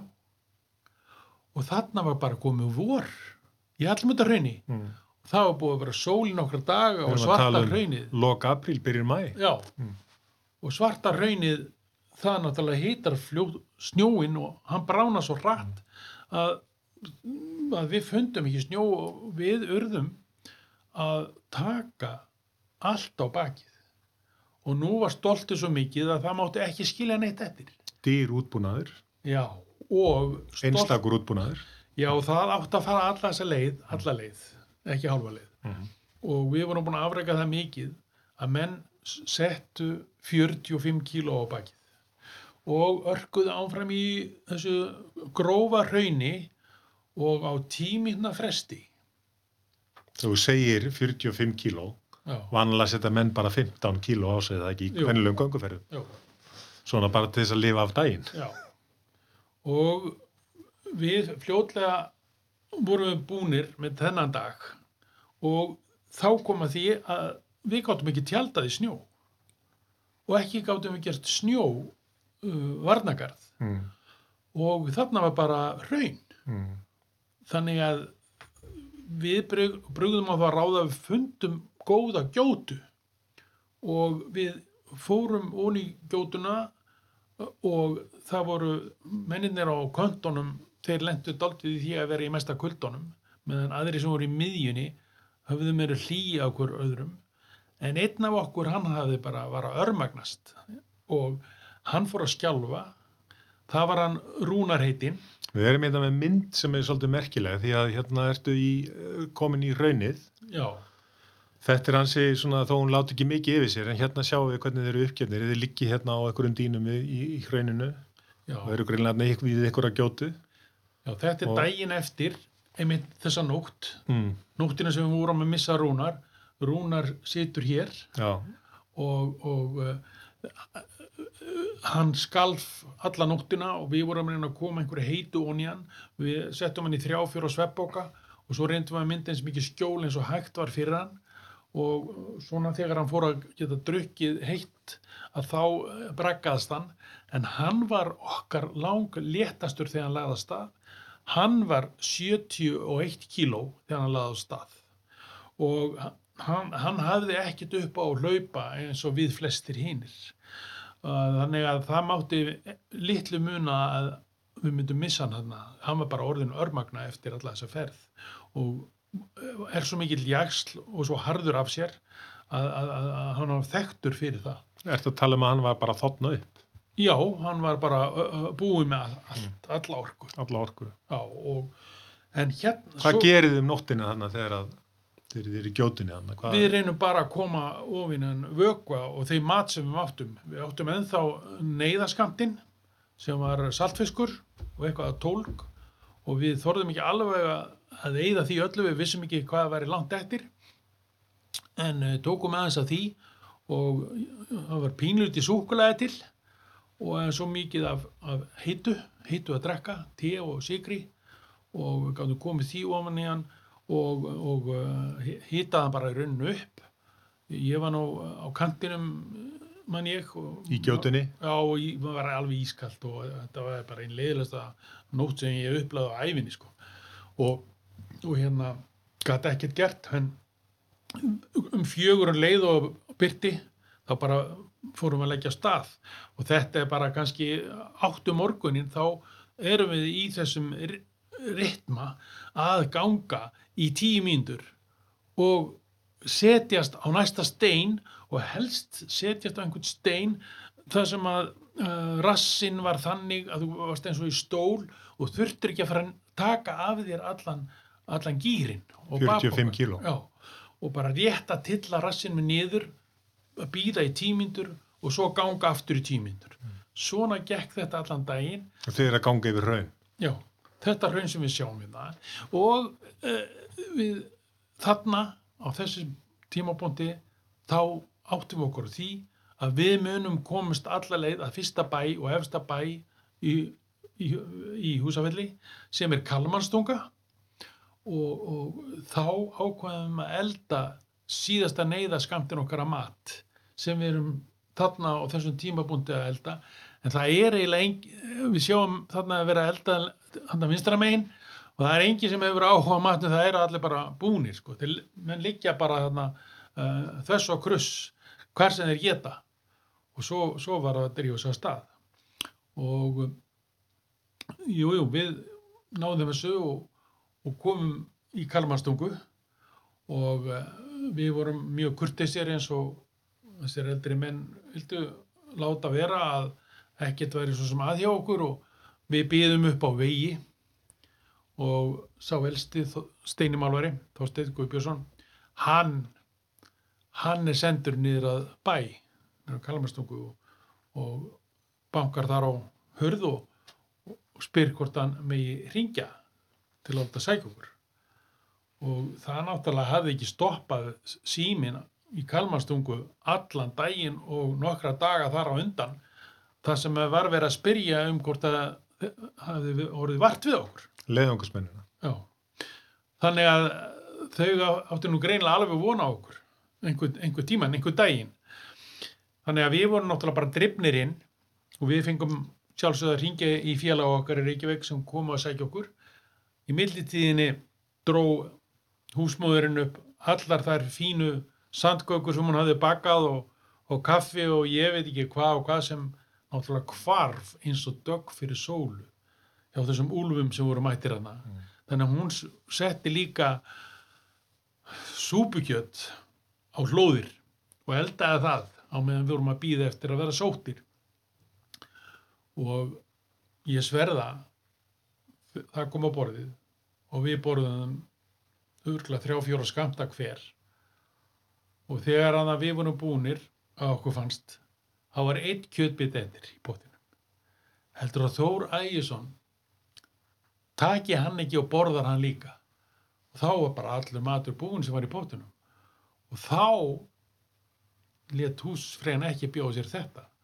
Og setti aftur kjöt á hlóðir. Og aftur fór hún og sauð súpukjöt, hún átti að síða að mennindi væri ennþá svangir og það færi enginn úr hennar húsi svangur þannig að uh, þetta var mikil Þetta er ekki beint holt fyrir menn sem eru búin að vera í nánast föstu í yfir 20 daga og byrja á svona máltíð.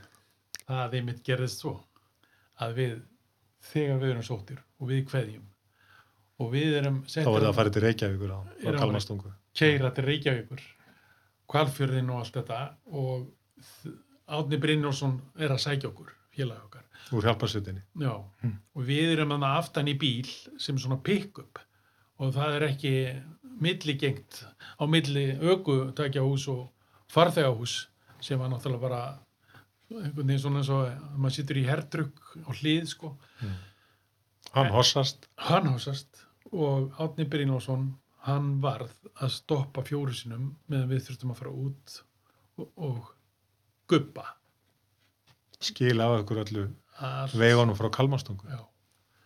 Það segðu mér eitt. Svona ferð, yfir 20 daga ferð, með þennan útbúna sem var þá 1976 og með þeim mat sem þið höfðu þá, hvað mistuðu mörg kíló? Hvað heldur þú að þú hafi mist mörg kíló? Ég veit það alveg nákvæmlega því að ég var í alveg mjög góðu formi og góður í þyngd þegar ég fór. Ég var einmitt 82 kíló sem að og, og æfði mjög stíft og uh, þegar ég uh, er komin heim þá hafði ég mist 10 kíló og 10 Á 20 og 2-3 dögum? Já og, og uh, ég var bara ekkert nefn að fannst mér skinn og bein en það sem verra var að Rúnar sem var 72 kíló þegar hann laðast að Sem Hann- átti hvað erfiðast þarna í hrauninu. já, hann misti líka 10 kíló og hafði það engu að taka þannig að hann var náttúrulega búin að ganga á vöðvana Mm. og hann var það að leggja hann inn því að hann náði ekki upp þyngd þannig að hann var það að fá uh, næringu í æð Var hann lagður inn þá eða? já þannig að þeir eru að ná honum í gang einhvern veginn Mm. og, Var hann lengi að jafna sér eftir þetta? Nei, nei, við vorum, nei, nei, ég held að við höfum allir jafnað okkur nokkuð vel, sko. En þetta er bara svo mikið í minningunni hvað þetta var, sko, erfitt og hvað við reyndum mikið ákvörðin þegar við vorum líka, sko, komnir til Reykjavíkur að mér sé eiginlega mest eftir því að hafa ekki keft á gönguskíðum á Íslandsmeistaramótunum sem var sko viku setna, ég hefði örugglega stungið á alla af sko, en þú veist ég hafði engar ambisjónir fyrir því. Ég fannst ég verið búin að sigra heiminn. Mér fannst ég geta allt. Ekkert sem að gætt trublað mína rólegu sál eftir þetta uh, afreg að, að, að þú lærðir á sjálfa þig, þú lærðir á að, að, að það, það er ekkert sem á að geta trublað þig. uh, það er ekki heimsendir Myndur þið segja að þó þið segja sjálfur frá þessi ferð yfir jöklana þrjá frá austri til vesturs hafi verið tímóta ferð í hálandaferðum Íslendinga eftir það? alveg tvímælust hún var það og það gerir svo mikið einmitt þarna um, kemur fram nýr búnaður Mm.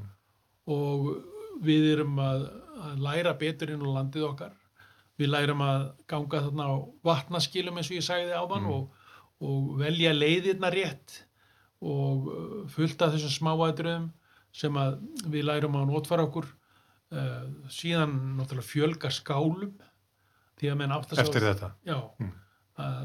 að segja því að að verður að þétta netið af fjallaskálum til þess að létta mönnum þessar uh, dagsleiðir Mm. og, og, og, og þarna eftir þetta þá var alltaf bara einhverjar stórar ferðir í gangi Mm. uh, á, á hvern einasta vetur Mm. og, og fleiri sem tóku þetta upp en ekki bara við í flugbyrjunarsetinu þó að þeir hefðu á þessum tíma verið eh, einráðir á, á þessu sviði. Yfir jöklana þrjá, labbandi á skýðum, eða gangandi á skýðum, er þetta sagt. 11 árin setna þá ákveðið að fara keirandi. Já. Eða nánast sömuleið eða hvað. Það eh, kom nú til að því að, að, sko að eh, við vorum að náttúrulega eiga jeppa Mm. og fyrstu jeppanar okkar og, og þeir jeppar sem voru til í flugbunarstutinni uh, voru Ford bílar sem voru búin að skipta út fyrir Víbon bílum Mm. en þetta var á orginal dekkjum, þetta var bara mjóum dekkjum Mm. og, og það voru mennfarnar að þreyfa aðeins fyrir sér að, að, að vera með stærri dekk og hleypa aðeins úr þeim Mm. og þá svona skyndilega fóru allavega léttu jeppanir að þeir fóru að fljóta ofan á snjónum og hegða sér eins og maður á gönguskíðum Hvaða ára verður að tala um? 1980 eitthvað leys? svona 8-10 og uh, svona 2-3 þá eru uh, svona menn að, að elda snjóbílana aðeins Mm -hmm. á fyrstu jeppanum og reyna að komast uh, í förin þeirra Mm. og, og sem er hansi skemmtilegt með henni fjóru sem fjóru klubnum og, og við sem að náttúrulega erum teljum okkur vera björgunarsveitamenn við náttúrulega verðum að geta bjarga okkur sjálfur fyrst og fremst á hálendinu til að geta bjargað öðrum og þess vegna voru þess að skíðagöngu farnar Mm. til að læra á sjálfa okkur og læra að bjarga okkur sjálfur og til að geta bjargað öðrum en það náttúrulega vélslegar á þessum tíma voru nánast ekki til og ef þeir voru til þá, þá voru þeir kannski veist, þrjú, fjögur hestöfl eða og, og voru alltaf síbílandi og það var eins með snjóbílana. Þeir eittu þessu lifandi spísnum voru þá yfirleitt mjög gamlir og, og eittu miklu voru líka alltaf bílandi að, hægt yfir. Já, og þannig að, að þarna var allt einu voru nokkri sem góti böðlast um á, á jeppum og bara já, heyrðu, og aðeins þeirri dekk og svona og, og við Valdi Rakari vinnu minn var einn af þessum frumkvöðlum og svona með þeim fyrstu sem fer á vatnajökul á sínum jeppa og, og við stælum þetta allt saman eftir honum og, og fleirum og, og uh, við sjáum það að þetta er alveg bara príma tæki fyrir björgunarsveitir að eignast sem hluti af öllum tækjaflótunum sem fyrir er að eiga svona tæki en þessir eldri menn þeir, þeir voru ekki alveg átt að sjá því að þetta væri einhver þörf á þessu. Og við verðum einhvern veginn að sanna fyrir þeim að við gætum gert eitthvað á þessum jeppum og okkur fannst verðut verkefni að keira þvert yfir allt Ísland yfir jöklana þrjá, leið sem við þekktum þá þegar tíu árum áður á gönguskjöðum og vissum að vettum að vera á vatnaskilum Hvernig, hvaða tækni notuðu þið þið voru að keira yfir jöklana þrjá? Þert yfir Ísland frá austu til vesturs? sko, sko þetta voru alveg rosalega lítil dekk með þessum þekkjum í dag og, og það voru þá líka mun meiri vandamál sem við lendum í og sem að menn leistu setna eh, Valdi var á 35 tómum og, og hann gæti rutt leiðina mikið því hann var búin að setja turbínu líka eh, í vílan hjá sér þannig að hún var aflmeiri hann var með nóspinn framann aftan sem að gerði það verkum að hann uh, dreifiði, dreif álæginu vel á öll dekk og hann gætt rutt leiðina þannig að við hinir áttum auðveldra með að komast á eftir og, og þegar upp í staðið getið sagt að hér að, að hérna, ég varð að vera í förunum eftir þá allan tíman, ég bara komst ekki úr förunum, Af því þú varst á minnstu dekk minnstu 33 tómi dekk Og- 80 hestöfl. Já, og það er þá annar fylgifiskur þess arna er sá að, að, ég varð að lækka lofti svo mikið og neðal í dekkjunum mínum til að fá flot að það var svo hætt við að dekkin færu af fölgunum. Affelgun svo kvöldu. Já, og það gerðist ítrekað hjá mér ef maður var kannski hliðaralla með og við vorum ekki með úrhleypi búin sem eins og við erum í, dag voruð bara hlaupa út til að pumpa í eða, eða, eða hleypa úr Mm. Uh, það þarf að breyta þessu eftir því sem maður fer herra upp á fjöllin eða á jökulinn Já, og aftur þrýstingsmun, já. niður því það er þrýstingsmismunur Mm, mm. og það er alltaf að laupa út og gera því ég var að leikja alveg þarna í þremur og hálfu pundi annars bara dreif ég ekki neitt sko. Á 33 tómi dekki á 3 Já, pundi. þrem og það var ekki fyrir það að það voru affelgir. nákvæmlega og, og, og hérna, svo það, það var ekki námið það að við, við, vorum að leysa það og, og, og Freyr nefnilega leysti þetta Freyr Jónsson hérna, vinu minn Freyr Jónsson heitinn sem Já. hann hjá Toyota var já, bílaverkfræðingur já, og góðsögn lifandi lífi. hann bara leysti þetta einu sinni uh, við kunnum það ekki þá Nei.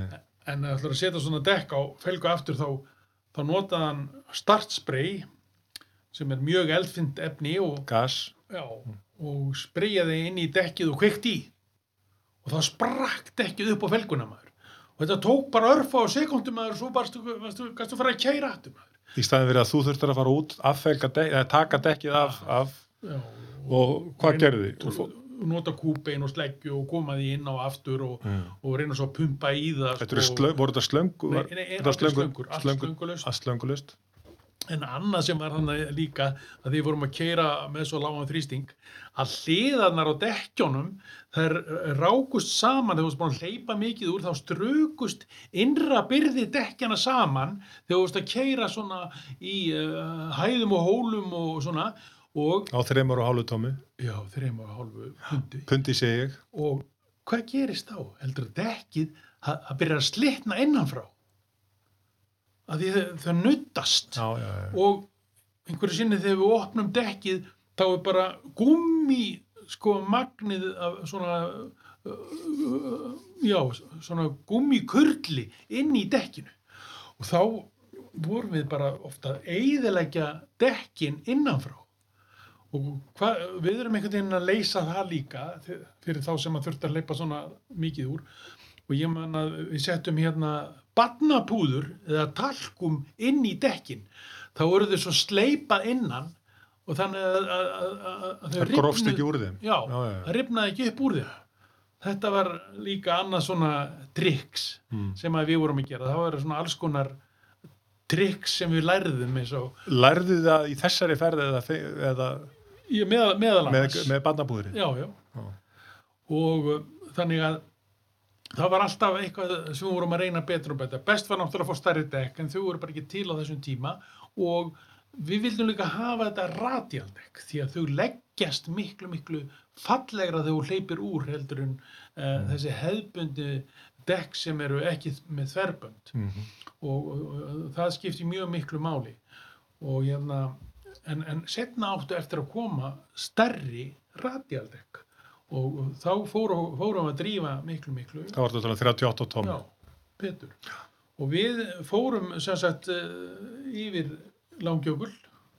Nei, í lokin en fyrst fórum við náttúrulega yfir vatnajökul og, og inn á, inn á sprengi, yfir sprengisand og yfir hofsjökul. Og í ákveðravelli Hvar fóruð upp Hofsjökul til dæmis? Það er ekki hlaupið að fara upp hann. Nákvæmlega. Þá, þá kemur akkurat það sem ég var að segja þér frá. Hvað gerðist 1982 þegar ég og Valdi vorum að, að við vorum að mæla hofsjökul. Og við hérna sporðamældum hann allan sem Mm. þýtti það. Eins og vorum að tala um á hann fyrir já, og þá vorum við búin að keira allan hofsjökul á öllum sporðunum, allan ringin og við vissum nákvæmlega hvar var hægt að fara upp á hann og hvar var hægt að fara niður á hann og við fórum náttúrulega upp á hann á besta stað sem er við Miklafell sunnan Miklafells en fyrir norðan klakk sem er lítill strýta uh, suður af Miklafelli Er þetta leið sem er þekkt í dag? Já, þetta er lang, lang besta leiðin þú kemur hann að austan Mm. en svo þú kemur upp á hann þá máttu alls ekki fara í suður þú verður að fara út af hann við sátu Austan megin. Nei, vestan megin, Vest- vestan megin, vestan, segi megin.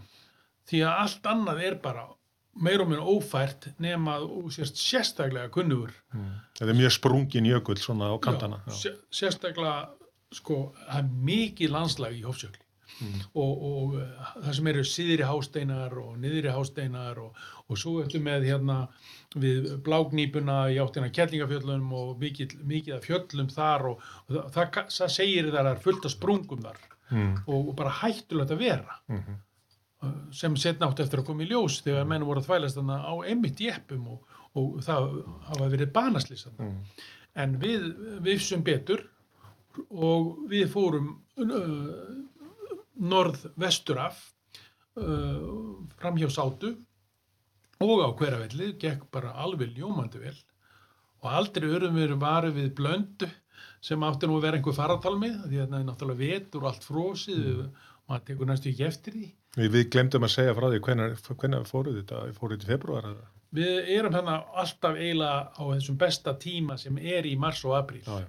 Þegar að snjórin er vel sestur og gott frost í og lítið í ánum Mm. og þá, það er bara akkurat þessi tími sem er núna. Og, og við, við hérna uh, menn leggjast í svona ferðalög einmitt þá. Mm. og við komum hérna hveravellum og, og bara við vorum þar í heilan dag að, bara að baða okkur í og hafa það hugulegt og uh, síðan var farið bara síðasta daginn yfir langjökul. Og þá vorum við búin að vera sjö dag á leiðinni og það náttúrulega í byrjun hafði engin trú á því að við myndum nokkuð tíma að geta gert þetta. Og við vorum náttúrulega að gera þetta rosalega mikið til þess að, að beina aðtiklina að okkur og að björgunastarfinu og rauninni voru hérna uh, björgunastarfinu nýbúin að kaupa fimm nýja snjóbíla af Kasparó gerð flexbóbíl sem að var dreift uh, um land allt var Ísafjörður, Akureyri og þrjársveitir í Reykjavík, Ingólfur flugbúnarsveitin og, og, og þeir í Hafnafri og spori. Og hérna þetta voru rándýrir bílar dýrir rekstri en Snjóbílanir já, snjóbílanir á beltum. já, beltum og, og mjög þung, þunglega. En, en ofsalega góðir það sem að, að það henda þeim að vera. Mm. Og, og snjóslæðin voru líka að vera betri en, en að fá sko jeppana inn. Það var náttúrulega alveg ótrekt mm. með á stórum dekkjum. Og, og, og þeir gáttu þarna komið til viðbótar. Svo náttúrulega skíðagönguminninir á þessum erfiðu svæðum sem er bara upp og niður og enginn getur farin að maður gangandi maður. Og við náttúrulega ég, ég sá mikið að tækjaferum í þessu uh, þegar hann að ég átti að má því að þetta væri hægt og Björgransin fóru virkilega að hugsa það að setja stór dekk undir og líka eftir því sem þau verið starri Mm. og, og þetta opnaði líka algjörlega nýja veröld Mm. fyrir ferðamenn á Íslandi Já, já. En þið enduðu þessa jeppaferði við jöklana þrjá, niður þið komið þá af langjökli og þá niður í Geitlandsjökul og niður í Húsafell. já, Ég man eftir því þegar þessi ferð endaði, þó að ég hef ekki verið mikið á fjöllum þá á þeim tíma, ég man eftir að þetta vakti mikla aðtikli þessi ferð. já, hún gerði það því að, að uh, kannski ekki alveg í byrjun og við þorðum ekki að tala mikið um hann því við vissum ekki hvort við gætum þetta en, en, en svona því sem að, að við vorum komin á hveravelli þá, þá bara létum við alla vita og, og það voru flugilar sem fóru að fljúa yfir okkur og taka myndir á okkur og, og eitthvað, eitthvað svona og, og þannig að, að, við skildum geta þetta á, á, á þessum bílum það var svona ákveðin tímamót þó það væri náttúrulega einstaka menn líka að, að keira aðeins upp á jökla og, og prófa sig aðeins áfram í snjó og, og með kannski önnu dekk og svona þá voru nokkrir aðrir í þessu líka Mm. En menn hefðu ekki farið svona leiðangur yfir Nei. jöklana þrjá. Myndur þú segja að þetta verið um, kannski fyrsta jeppaferð við þessar aðstæður í heiminum? Alveg öruglega í, í, já, það er hvergi neitt í heiminum nema Íslendingar að pröfa sig eitthvað ánfram í þessu og, og, og, og hvergi og, og ég átti eftir að, að, að, að komast að því setna þegar við fórum að markaðsetja Ísland að, að það var það eiginlega að kenna fólki og, seg, og reyna að segja því frá hvað verðum að gera það bara trúði ekki Mm. það, það er enginn sem á trúið því og alveg sérstaklega uh, þegar maður reyndi að segja normunum það að það væri hægt að keira ofan á snjó og, og ekki sökva í hann. Að já, og normaðurinn sem er sko, sko hann er fættur með skíði á fótunum. En það sem þú átt við þarna eh, eftir þessa ferð, þá, þá opnast alveg nýjir ferðamöguleikar fyrir eh, ekki bara útlendinga, en fyrir Íslendinga líka að keira á hálendi Íslands ná aðalega á veturnar. Það sem við skemmum ekki neitt og það er snjór sem hilur uh, land og, hérna, og menn geta þeirra jökla. Þetta var náttúrulega þvílík bylting. þetta, þetta breytti alveg gríðarlega miklu og menn sáu miklu fleiri, fleiri en ég tæki fyrir nýjus ég uh, stopnaði bara fyrirtæki alveg sérstaklega utan um þetta og, og, og uh, það voru menn í stjórn Æslandeir sem áttu sig á því að, að þetta geti hjálpað þeim að koma fólki til Íslands á veturnar sem var mjög lítið um á þessum árum og þeir ásamt mér og, og, og fleirum þá settum við saman uh, svona helgarpakka, vetrapakka frá Evrópu til Íslands sem að kostaði ótrúlega lítið. Það var, það var bara einhvernig, uh, eins og menn segja flug og bíl eða uh, segja flug og og, hótel og, ég man alltaf að, að, að, að einn stöðvastjórun Emil Guðmundsson hann, hann Já, Æsland er á flugluðum á þeim tíma. Já, já, Íslander, hann var stöðastjóri í Hollandi og hann, ég hafði kynst honum aðeins gegnum mjög og pappa sem voru að vinna mikið á loftlega hótelunum með honum því hann var hótelstjóri þar áður og hann spyr hvort ég vil ekki bara koma með svona jeppa út á síningu og sína hann á ferðakaupstefnu í Hollandi. Og ég sagði bara já við bara drífum í því, það er ekkert að gera hérna og, og svona. Og, og hann tók svo vel á móti mér og, og við fórum á, á þrjársýningar á, á, á þrem vikum í Hollandi. Meðal hans risastóru sýningu sem er í Utrecht eh, sem er alltaf 10. januar og þar, þar komu sko 250 manns. Og ég mætti með bílinn og allað og bæklinga sem ég fann hjá ferðarmálaráði sem ég setti bara aftur í skott á bílnum og svo setti ég hann í skip og svo var hann bara, bara í komið til uh, og ég var þess að svona passa það náttúrulega að vera með uh, alla pappíra um að ég Mm. mætti keira þarna og þeir þurfti að vera á ensku og, Mm. og ég þetta að vera með genfasáttmálan og svo þurfti ég að vera með karnett um bílin að allt sem var í bílnum ég geti komið með á milli tolla uh, tolla með milli landa sko ok, þetta, þetta er smá vinna en eimskip hjálpaði til og flutti bílinn frýtt og, og, og það er ekkert annað en það að básin okkar, það sem við vorum á þessari sýningu, hann vakti nú þvílíka aðtegli að það stóð bara stöðugur ströymurinn um að fá að, að setjast inn í bílinn og, og máta hann og við vorum með vídeómyndir af því hvað svona bíl geti gert og, og hollendingar eru daldið svona ævintýramenn og eru svona uh, daldið svona nýlendabragur í þeim en þá og, og, og þeir hérna þeir bara fóru að streyma til Íslands uh, um helgar í þessum ég maður að, að, að það kosta sko uh, 500 Deutsche Mark mann ég uh, þessi helgabæki sem var alveg ótrúlega ódýr. Það er að segja til Íslands, komast inn á jökul, Já, já. á jeppa, já, með aukumanni.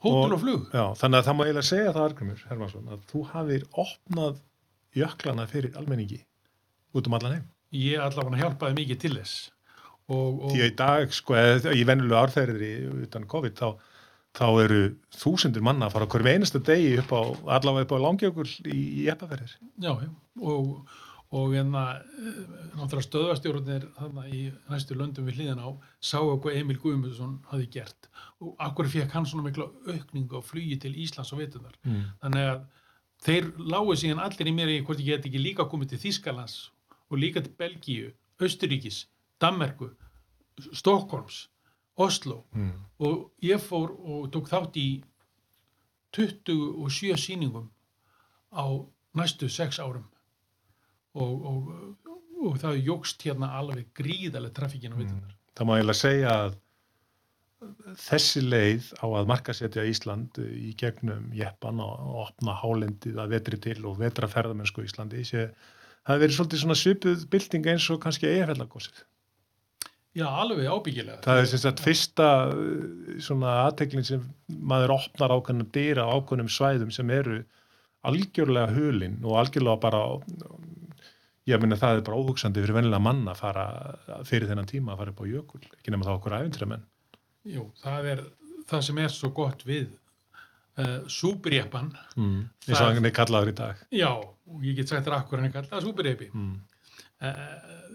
það er út af því sko að, að, sko, að, að fara inn í súbrjepa, það er hiti og það er mistu, það er skjól.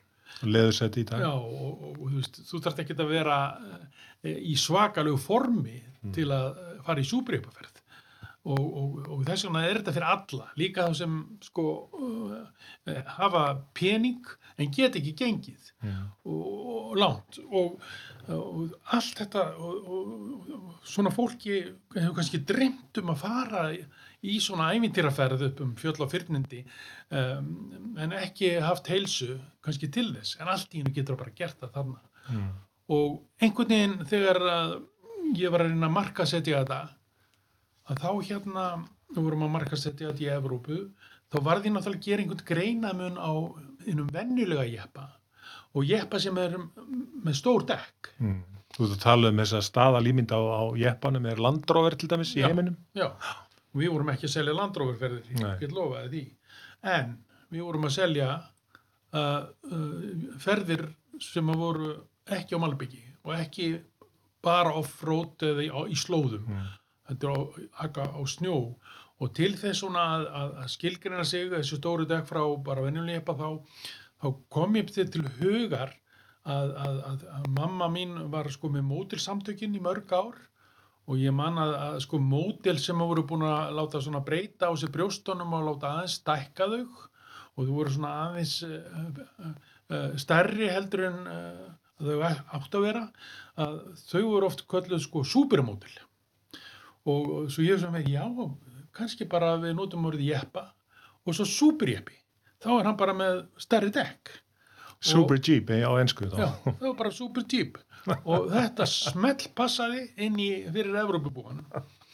Og, og, og, Þetta hef ég aldrei heyrt á þér. Nei, það var að því að ég bjóði þetta til Ég reyndi mér þess að sækja með engarleifið á þessu orðið súputýp og fekk ekki, fekk neitun hjá Já. engarleifastofunni að þeim fannst þetta að vera dálítið svona almennt orð en það hafði ekki notað áður.